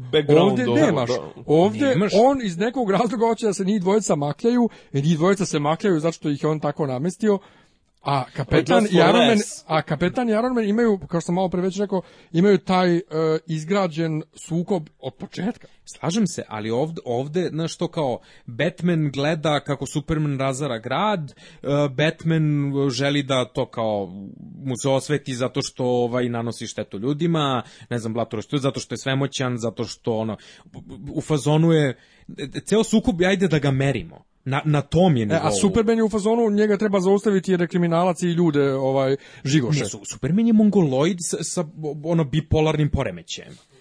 Znači kao, to, to je neverovatno. Zato što Superman, to, svemoćni čovek koji, je, koji zapravo nije svemoćan. To je scena u sudnici, to je ono što sam pisao u kritici. A to je kao, on stoji u sudnici pored čoveka ko, ko, koji je praktično živa bomba i ne vidi bombu jer ne gleda matori ti ono vrtiš planetu nazad, vraćaš vreme, e, možeš da budeš svuda, ne, ali to moraš da mi pokažeš, a to mi ne pokažeš. To je, to je, to je problem. Znaš kao, ok je e, da, da to kao o bomba bude u olovu, da, da on ne može da vidi kroz to. U redu je, ali moraš da mi pokažeš i onda kažem, aha, da, ok, sada vidim zašto. Ali se to nikada ne vidi u filmu ne možeš da me pustiš da pretpostavim te neke stvari. A s druge strane mi pokažeš kako Superman spašava svet, spašava astronaute, spašava po ono potopljeni brod, spašava ne znam šta sve ne radi, kao bla bla bla. I sada ono sve eksplodira i pritom je njegovo objašnjenje nisam video jer nisam gledao. Pa šta si ti retardiran? Kako je tvoj problem? Ja ja imam ja imam ja imam ja stvarno bih pohvalio ovaj Marvelove filmove koji bukvalno možeš u svakom trenutku da se uključiš i da ti sve bude jasno. Nemaš problem sa tim, mislim ne, ne znaš background priču dosta toga, ali ne smeta ti ako ni izgledao prvih 14 dijelova da gledaš i 14 pa meni, ne smeta. Me, ja sam se pitao kad, kad, kad ovaj Baki davi Natu i kada kaže mm. mene bi trebao da se setiš i kao, aha odakle i onda tek sam posle pročitao nisam gledao ponovo mm -hmm. Winter Soldiera da su oni tu nešto makljali. Jesu, da, da što... ali to ti dalje ne smeta. Ali ne smeta. Da, da, možda su mislili Ime... na zajedničko vreme da. u KGB-u. E, mi, on... da, ima i toga. E, to, to bi bilo da ja, dakle, u njenom filmu da. da se on pojavi. Upravo to. E, nega, ali... Negativci, Lutor protiv Zeme. Ne, e, Lex Lutor je, mislim, okej, okay, DC ima tu postavku, svi vi znate ko su naši junaci i mi ćemo sada kao to, samo ćemo da ih anlišujemo na vas. Da prostremo. Da, da prostremo. Super je, ali mi onda ne treba ono e, background story movie od 3 sata. Da. Znači kao, ako, ako si to bio, ok, super, ja znam ko je Superman, jer sam sticam okolnosti gledao sam sve ove po pokojno Kristofera Riva i kao znaš o tome iz pop kulture. Onda ne, onda mi napravi novi Superman film. Superman rešava neki problem. Nemoj da mi pričaš o tome kako je Superman nastao dva i po sata i onda mi pustiš negativce u fazonu si pa ne ti znaš ko je. A što sam onda gledao ovog i me sve znam. Znaš kao, isto važi i za Batmana. Znaš kao, Batman je to. Svi znamo ko je Batman. Su, e, ali, ali to su ne... dobro uradili. U ovom filmu su uradili okay, njegov origin story na brzaka jako dobro. Jesu, ne, ne, to je super. I Batman je dobar. I Affleck ne sme, mi ne smeta kao Batman. I zapravo malo me raduje što će onda radi novog Batmana, jer sam u fazonu, ovo čak možda i liči na e, nešto. E, ali on nije samo dobar kao Batman, ono što ljudi stalno zaboravljaju, Bruce Wayne je u prethodnim filmovima uvek bio očajan. Jeste. On je, on je prvi Bruce Wayne, kada kažem, u brate, on je faca. Jeste, i super mi je zato što je malo je mator i malo je kljakav. Da. To, to mi se sviđa. I, i to je kao okej, okay, ali, ove, ali i dalje ne, ne, ne funkcioniše dovoljno dobro ti, pritom taj njihov sukob je besmislen, pritom, uh, ok, ajde sad kao njih dvojica se peglaju, peglaju, peglaju i onda se pomire jer majka im ima isto ime ja sam to, ti nisi bio na ovim tribinama, ja sam mm. rekao to na tribinama, a, nije pojenta samo što je majka ima isto ime, nego Batman sve vreme a, o, o Supermanu govori kao o vanzemaljcu i, i, i, i, i, i da. on nikad ne doživljava njega kao osobu drugu. Tek u tom trenutku kad shvati da imaju Majka isto ime, on shvati da ovaj uopšte ima Majku i tu ga prihvati kao osobu. I, i To je, znači to ali, je samo ali, trigger. Da, ali, ali ga, znaš kao, ne postoji proces prihvaćanja, nego ga prihvati na nivou ono, napi, zapili smo se u kafani i sad smo pobrati i kumovi. Mislim, šta su ono njih dvojice iz Srbije, šta kao? Na, da- da ok, da ono, ok, slažem se tu samo što i dalje mislim da, da ljudi preteruju s tim Marta momentom, a imamo Marta moment i ovamo kad ovaj uh, Iron Man eh, sa, shvati da mu je ovaj ubio majku, o, tako reći obrnuti Marta moment. Ima, da, ali to ali, je... ne smeta. Ali ne smeta, da, i ok je zato što to kao, aha, ti si mi ubio roditelje, na, sad, zato što, zato što imaš taj kao razvitak i napredak lika. Znači on već ne voli Baki, on već ima problem sa Bakijem. Mislim sad, a, mogu da uđem u tu Freudovsku teoriju, a, na što, da, da su oni kapetan Amerika ma, malo se vole.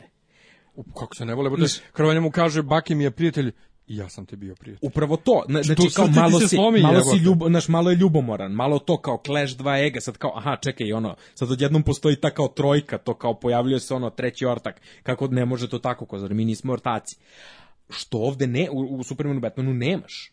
Oni se prvi put kao njima se prvi put sretnu, popeglaju se i onda mh, mh, matori ortaci, brate, brate, znaš kao kod čekaj stani kao nek pa kako sad u jednoj sceni. Da. Pritom pojavi se Wonder Woman ničim izazvano, lik koji Ok, kao sad ja znam za Wonder Woman, zahvaljujući crtačima kad sam bio klinac. A ja, zahvaljujući seriji. Pa to je malo, malo je očigledno to, ovaj, DC-eva je malo onako kao, pa vi morate da znate naše. Ne, ne, ali, ali, da su, ne, ne, ali imamo njen, njen origin da film ćemo imati sada, izlazi... E, ne, imaćemo, ali pritom ti imaš, znači uvodiš lika za koga si ti uzono, ko si ti, ko zna za tebe? Šta si ti tačno? Čime se ti baviš? To, I sad, njih dvojica, sad odjednom imaš, a pa ne, svi smo, nas troje smo ortaci.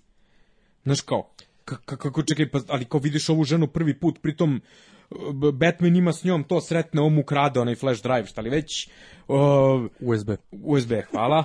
ovaj, kao Superman je tad vidi valjda prvi put ikad. Uh, čekaj, kako sad ste svi vi drugari? Na, na, na, na osnovu čega? Šta kao? Pa, imaš zajedničkog se... neprijatelja. E, pa, ali, ja znam forum, ali ona je, ona je, odlično. Ne, ali ona je u filmu super zato što mm. ovaj jako se dobro bije. Oda jebote Doomsday odseče ruku, a što Superman nije uspeo. Uh, spasi Batman naravno koji ne zna šta će u toj, u toj, u toj borbi da radi. Uh, nego je ona urađena dobro na nivou isto e, Black Panthera i Spidermana gde jedva čekaš da vidiš sad njen solo film. Meni, meni, meni je to izadlo i mnogim kritičarima mm. isto, ali hoću baš da se ubacim na tu priču o tim sporednim likovima nabacanim u film. Da. Prosto da. smo mislili da će ovi svi uh, ovaj uh, Kiborg i Aquaman i ko već sve da se stvarno pojave u filmu, može, a ono su pustili ono što Marvel stavlja u post credit scene, dakle posle da. odjavne špice kao teaser najavu za sledeći film, oni su stavili fucking teaser trailere u sred filma sa sve logojima Upravo to. heroja da. gde ona to gleda na zašto a, zašto si uopšte to stavio? Pogledaj kako je Marvel ubacio i Ant-mana, i uh, Spider-mana, i Black Panthera kao nove likove u film i reklamira tako njihove buduće filmove, ti si ubacio fucking trailere. Slažem se, sla, slažem se, ali to, to je to. Znači oni mi ubace, Marvel mi ubaci to kao mali teaser ovamo. Nama ja sam uzon, aha, okej, okay, to je neki lik, sad ću ja to kao nešto. Ili sam uzon, a znam ovoga iz neke priče, ono sa strane. A ti si je u fazonu to kao sad, evidentno da ti je bitno. Prvo mi pokažeš krupni logo, pa mi pokažeš... Znači, ja sam u fazonu, ko su bre ovi ljudi? Kao, ja ne čitam stripove, ja gledam filmove, ja sam u fazonu, čekaj bre, ko, ko je sad ovaj? koji si sad pa ti? I zašto ovaj ortak iz Bejvoča? Ja bi, ja bi, ja bi gledao, ja bi gledao ovaj solo film Wonder Woman da dva i po sata jede, one jede cereals dva i po sata ili da, nebitno da jede kokice dva i po sata, ja gledao taj film. Wonder Woman. Kao i iz, iz, izraelska manekinka. Da. Dobro je. Dobro je. Um, I konačno, kaže, i, i bilo je, ja sam se naljutio kada je neko iz New York Posta napisao članak Sram, kako je ljudi ne vole Batmana i Supermana jer je previše pametan film za Marvel fanove. I onda kao glupe Marvel filmove da. navodi i Deadpoola, na početku podcasta sam pričao o tome da nije Marvel film jednako Marvel film da. i očekujemo neko ko piše o, film, o filmovima i ko kritikuje da zna o čemu piše. Dakle, da li se radi o tome da su DC ozbiljni filmovi za pametnije ljude, a da su Marvelovi filmovi laka zabava za, za, za, za glupandere? Ni, ne, nisam siguran, ali ono ozbiljno nisam siguran ne zato što sad to kao ja pripadam ili jedno ili drugo. Ne, samo Marvel filmovi su bolje, bolje su napisani, bolje su glumljeni, bolje su režirani. Ovo sve izgleda kao, aha, znači vi imate taj neki univerzum, daj mi da se nakačimo na taj voz, razumeš? Kao, kao neki, ono, šver, šverci otimači blaga na divljem zapadu, ono kao, aha, ima voz pun zlata, daj da se nakačimo, da uzmemo šta možemo, pa ćemo da se kao raštrkamo. Bandwagoning. Bukvalno. Jer, ov, mislim, ne znam, ok, super kao Wonder Woman ima svoj film, aj i vidjet ćemo na što će to da liči. Oni furaju ovaj ne, nesrećni Suicide Squad, to im je sad kao glavno. Ja sam uzbuđen za to stvarno, ja čekam da vidim. To izgleda kao TV serije. Nema veze. Neki izgleda kako hoće. Super. I pritom ima još jedna fora što je, što je jako zanimljivo. Marvel kada priča o svojim filmima, sve vreme u fazonu, da, to su neki superheroji, to je za klince, to je za široke narodne mase, to je zezanje, to je laka bioskopska zabava, a DC kad priča o svojim filmima, to, mi smo mačo, mi smo u fazonu, ono, sve je ovo hardcore, kao, baš je zajebano, ovi filmovi su ozbiljni. Ne, vaši filmovi su Glupi. ne, to ja bi razdvojio u svakom slučaju. Ja, meni, meni su uvijek kao klincu, ono, kažem, kad su stizali ti neki stripovi sa, iz Amerike, da, da. privlačili su me više. Mene, meni je Batman kao stripski junak bio sasvim dobar. Mislim, volim, ma ne volim ja njegov. Pazi, iz prostog razloga što je čovjek nije super heroj, nego je ljud, Baš ljud, ga ne volim. ljud i od, od krvi i mesa. Baš znači, zato ga ne volim. A ti ga ne voliš, ja ga volim. Ima, on, ima svoje prednosti, slažem pa, se. Ima, znači, zato što dozvoljava te malo teže teže teme, mislim, e, ok, čitao sam i neke Marvelove ovaj, stripove i ima, ima i tu mnogo više težine, ali ovi ljudi su od, odredili svoj stil filmski Marvel, Marvel je odredio svoj stil koji je do jaja, brate. Znači, film, filmovi su im, neće oni da idu ni u te alternativne mm. stvarnosti, ni u paralelne Čekaj, priče, stani, ni ništa. Nisu još došli do Doktora Strange, onda će krenu. Ok, ali kažem, znači, ljudi su odredili su, bre, da snimaju dobre filmove, znači, hoće da snimaju dobre filmove, a ovi sad, ovi DC jebi ga, oni ono, lutaju, lutaju. Kažem, ali, više mi se sviđaju njihovi, njihovi ovaj, stripovi, predloške, ali filmovi neuporedivi. Ali sa druge strane, postoji nešto što si ti rekao, a to je kapet Kapetan Amerika iz 90. Na primjer, ako pogledaš to kao 70. na 80.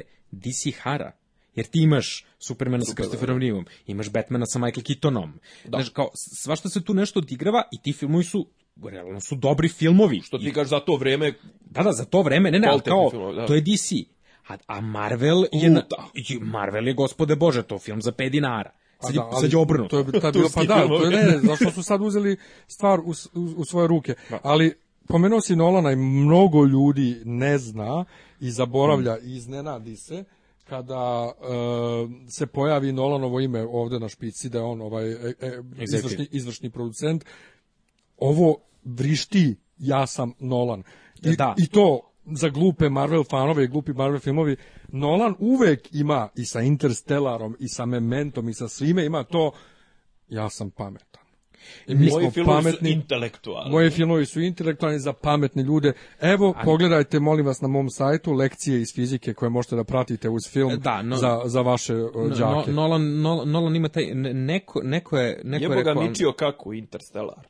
Ne, ne, mogu, ne mogu da se setim, ne, neko, je, Sagan. neko je rekao da, da zapravo Pokoj. Nolan pravi pametne filmove za glupe ljude i ja se s time slažem. Mislim, Interstellar ima svojih prednosti i jedan je od najlepših filmova koje sam ja video, vizuelno baš mi je lep, prijao mi je za oči. Jeste. Ali mene, Ali... brate, meni sveže mi crijeva u čvoru u, ne, ne. U, u, u, u nekom momentu. Ne, ne, u neko, pr, pr, zato što traje predugo, zato što Nolan ima ceo taj i sad ću ja da ti objasnim ono e, od pa kulina pa, bana. Razumno? A onda se pogubi. Da, i onda se pogubi. Ne, ne interesuje me, ne interesuje me da to bude tačna fizika. Pusti me da uživam u filmu, ne, o. nemoj da mi objašnjava stvari, ne moraš sve da mi objasniš na sad to kao, sve mora da bude realistično. Na sad ja moram da znam zašto... Multiver, pa nije to, pa, nije, nije, nije, nije to, i neka to bude u filmu i sve, ali nemoj ti mene mimo filmu filma u marketingu da ubeđuješ kako je to neviđeno, kako je to pa, super časna fizika da. i da mi predlažeš jebene časove fizike za školu da ja učim o tvom filmu. Kako je Puši kurac. Ovo što on priča, to, to, to, to se radi bre na, na, na postdiplomskim studijama. I ta, i tuga, I ta tuga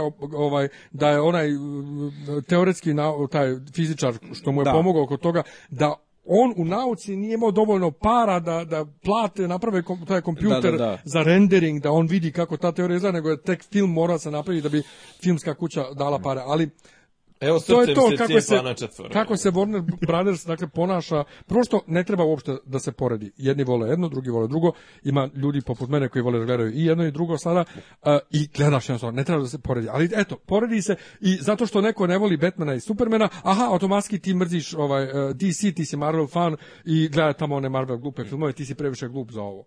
Pa nisam ja ne volim ja ne volim Supermana. Nisam loše što ja, uradio da ne volim Supermana kao ne? heroja, suviše mi je jednoobrazan, suviše mi je suviše mi je straight, suviše mi je ispravan, suviše mi je mislim okej, okay, ima i on svoji mhm. dilema, a ono su meni je bre Batman prvo slojevi, mnogo mi je slojeviti i a, i volim Spidermana, a ozbere Superman je dosta. Mislim, mislim, mislim, mislim da volim, ne. Slažem se, ali mislim da je takođe greška to, to zato što je problem je zabave, ja to ja to pričam već neko vreme.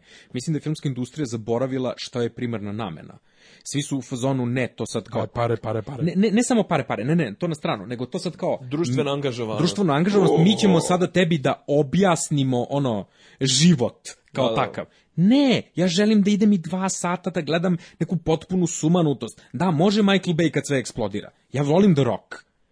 Kao, film sa Nikolasom Cageom, znaš kao, stvari eksplodiraju, sve je super. Izašao sam srećan sa, sa tog filma. Sad ćemo da budemo srećni zato što... srećana, upropastio mi, pa ja, meni Optimus Prime svjetlo mog života on čovjek. Da, mislim, da, ne, ne, to, to, to što da. Michael Bay sistematski uništava ono detinjstvo ljudi 80-ih, da, razumeš?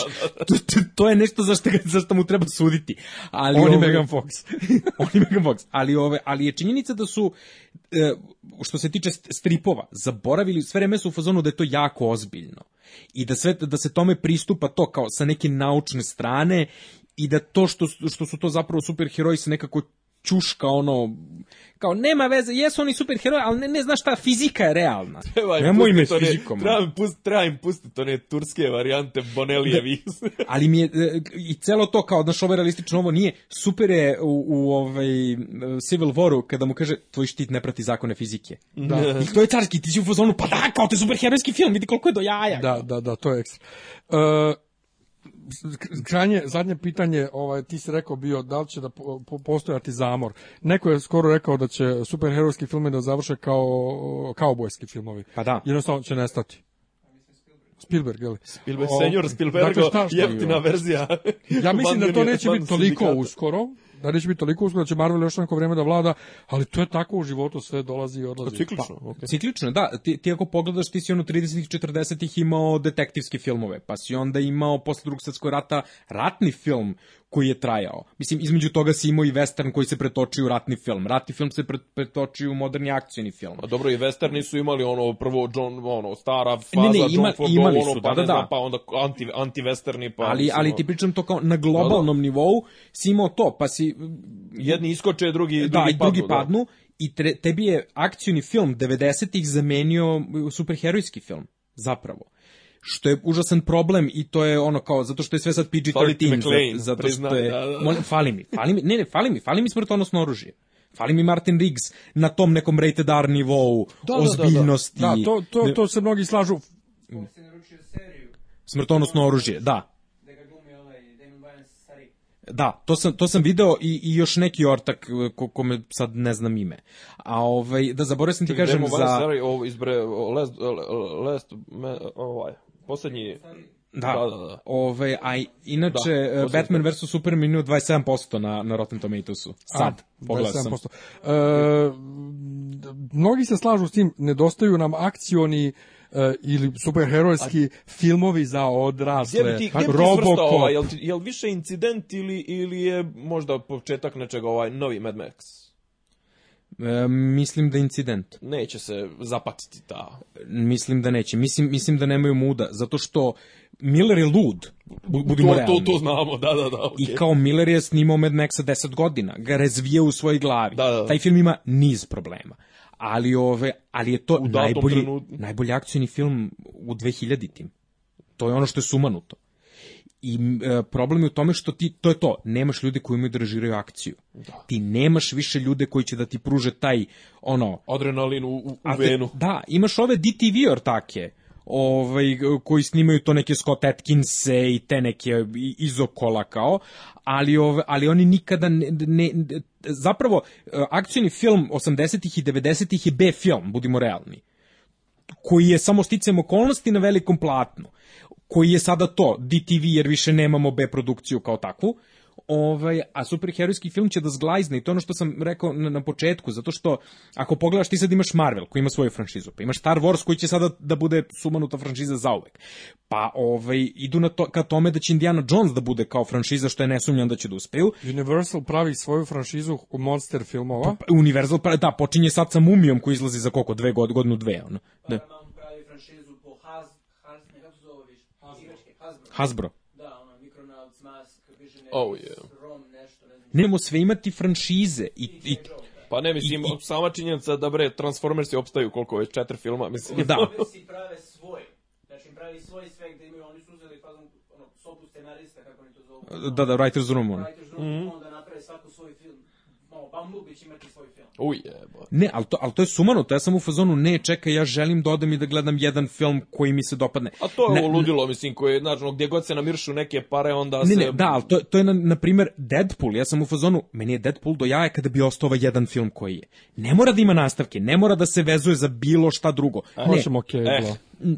Molim? Hoćemo Cable. Ne, okej, okay, po, postoje, ali kao ne bi mi, ne bi mi bilo... E, Dolph Lundgren hoće da gumi Cable. Da, to sam vidio da lobira sad. Ne, Neću. Dom Flundra noće da glumi. Mislim, zaboga, zar bi njega nekad smio pustiti, ono, Kao, pa, brate, idi ti bavi se svojom kjokušinom. On je Kyokushin karatista. Respekt. ne, postoji sjajna priča za Dolfa Lundgrena. Ovaj... Bila je priča ima veliki kurac sam. ne, ne, ne. Kada, kada, kako, je, kako je uopšte došao do toga da glumi?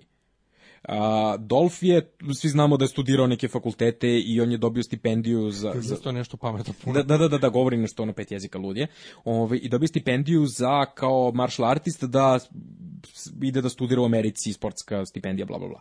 Međutim, on dolazi u Ameriku, poznaje neku ribu koja je fotomodel, ona hoće da se bavi glumom, on kreće da se zabavlja s njom i, i ona kreće da ga vodi po audicijama i, ovaj, i kao što se ti ne bi okušao glumi, ti si to, mlad, lep, super napucan, strava izgledaš. I, ovaj, I on pročita u novinama da se traži novi negativac za Rokija kao Silvestar Stallone, treba mu ono. Silvestar Stallone. I on čovek ode na casting i odbiju ga. I on kao, pa dobro, kao, pa ne, super si, ali nije to baš to, to što mi tražimo, nekako je, znaš, previše si elokventan, previše si kao pametan, kao, okej. Okay. Međutim, ne, da, down, jel, da, da, I ne uspeju da nađu nikoga i kao drugi krug castinga i on kaže, kupio sam dva broja manju majicu, ošišao sam se na Marinca i otišao sam tamo i bili u fazonu, pa kao, odakle si ti? Ja, Svi, Sweden. Ja pa, govoriti engleski. Ja govoriti engleski, kaže, book IQ, ono, 30. Da. Nerf, Primljen nerfo, si. Nerfo, sam sebe je. Bukvalno, i bili su u fazonu, to. I on kaže, ok, čekaj, zašto bi se ja bavio naukom kada mogu da zarađujem pare i da budem retard?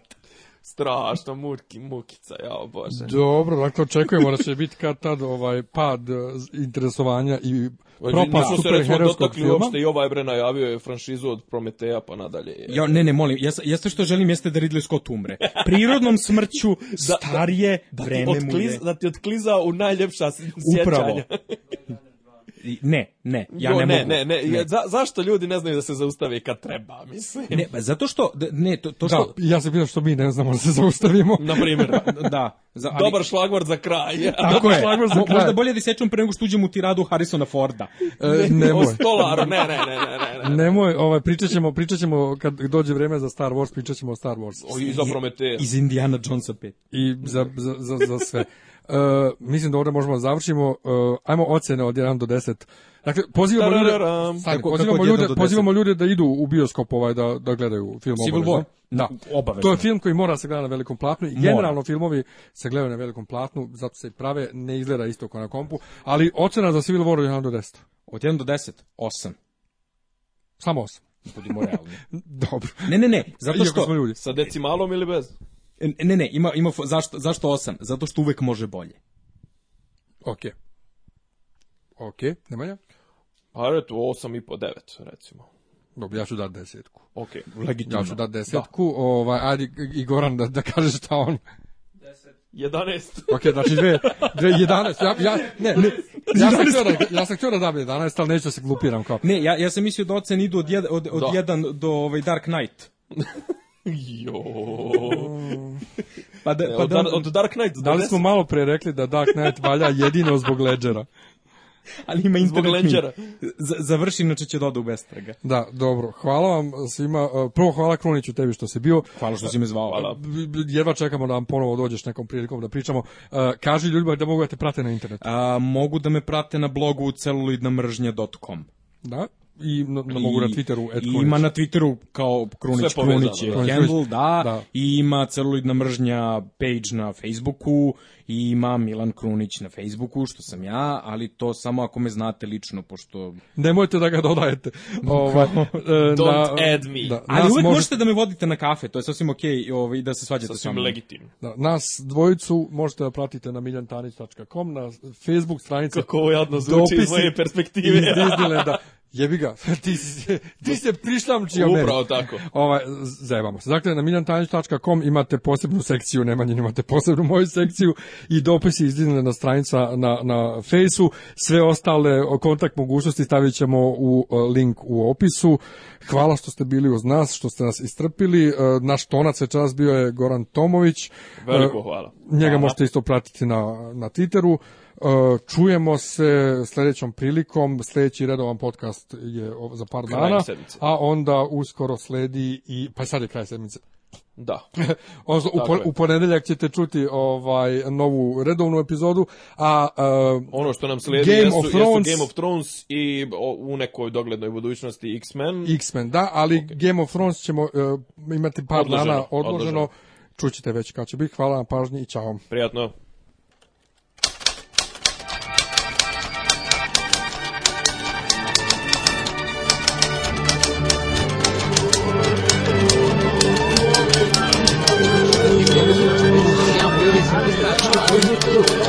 Oh,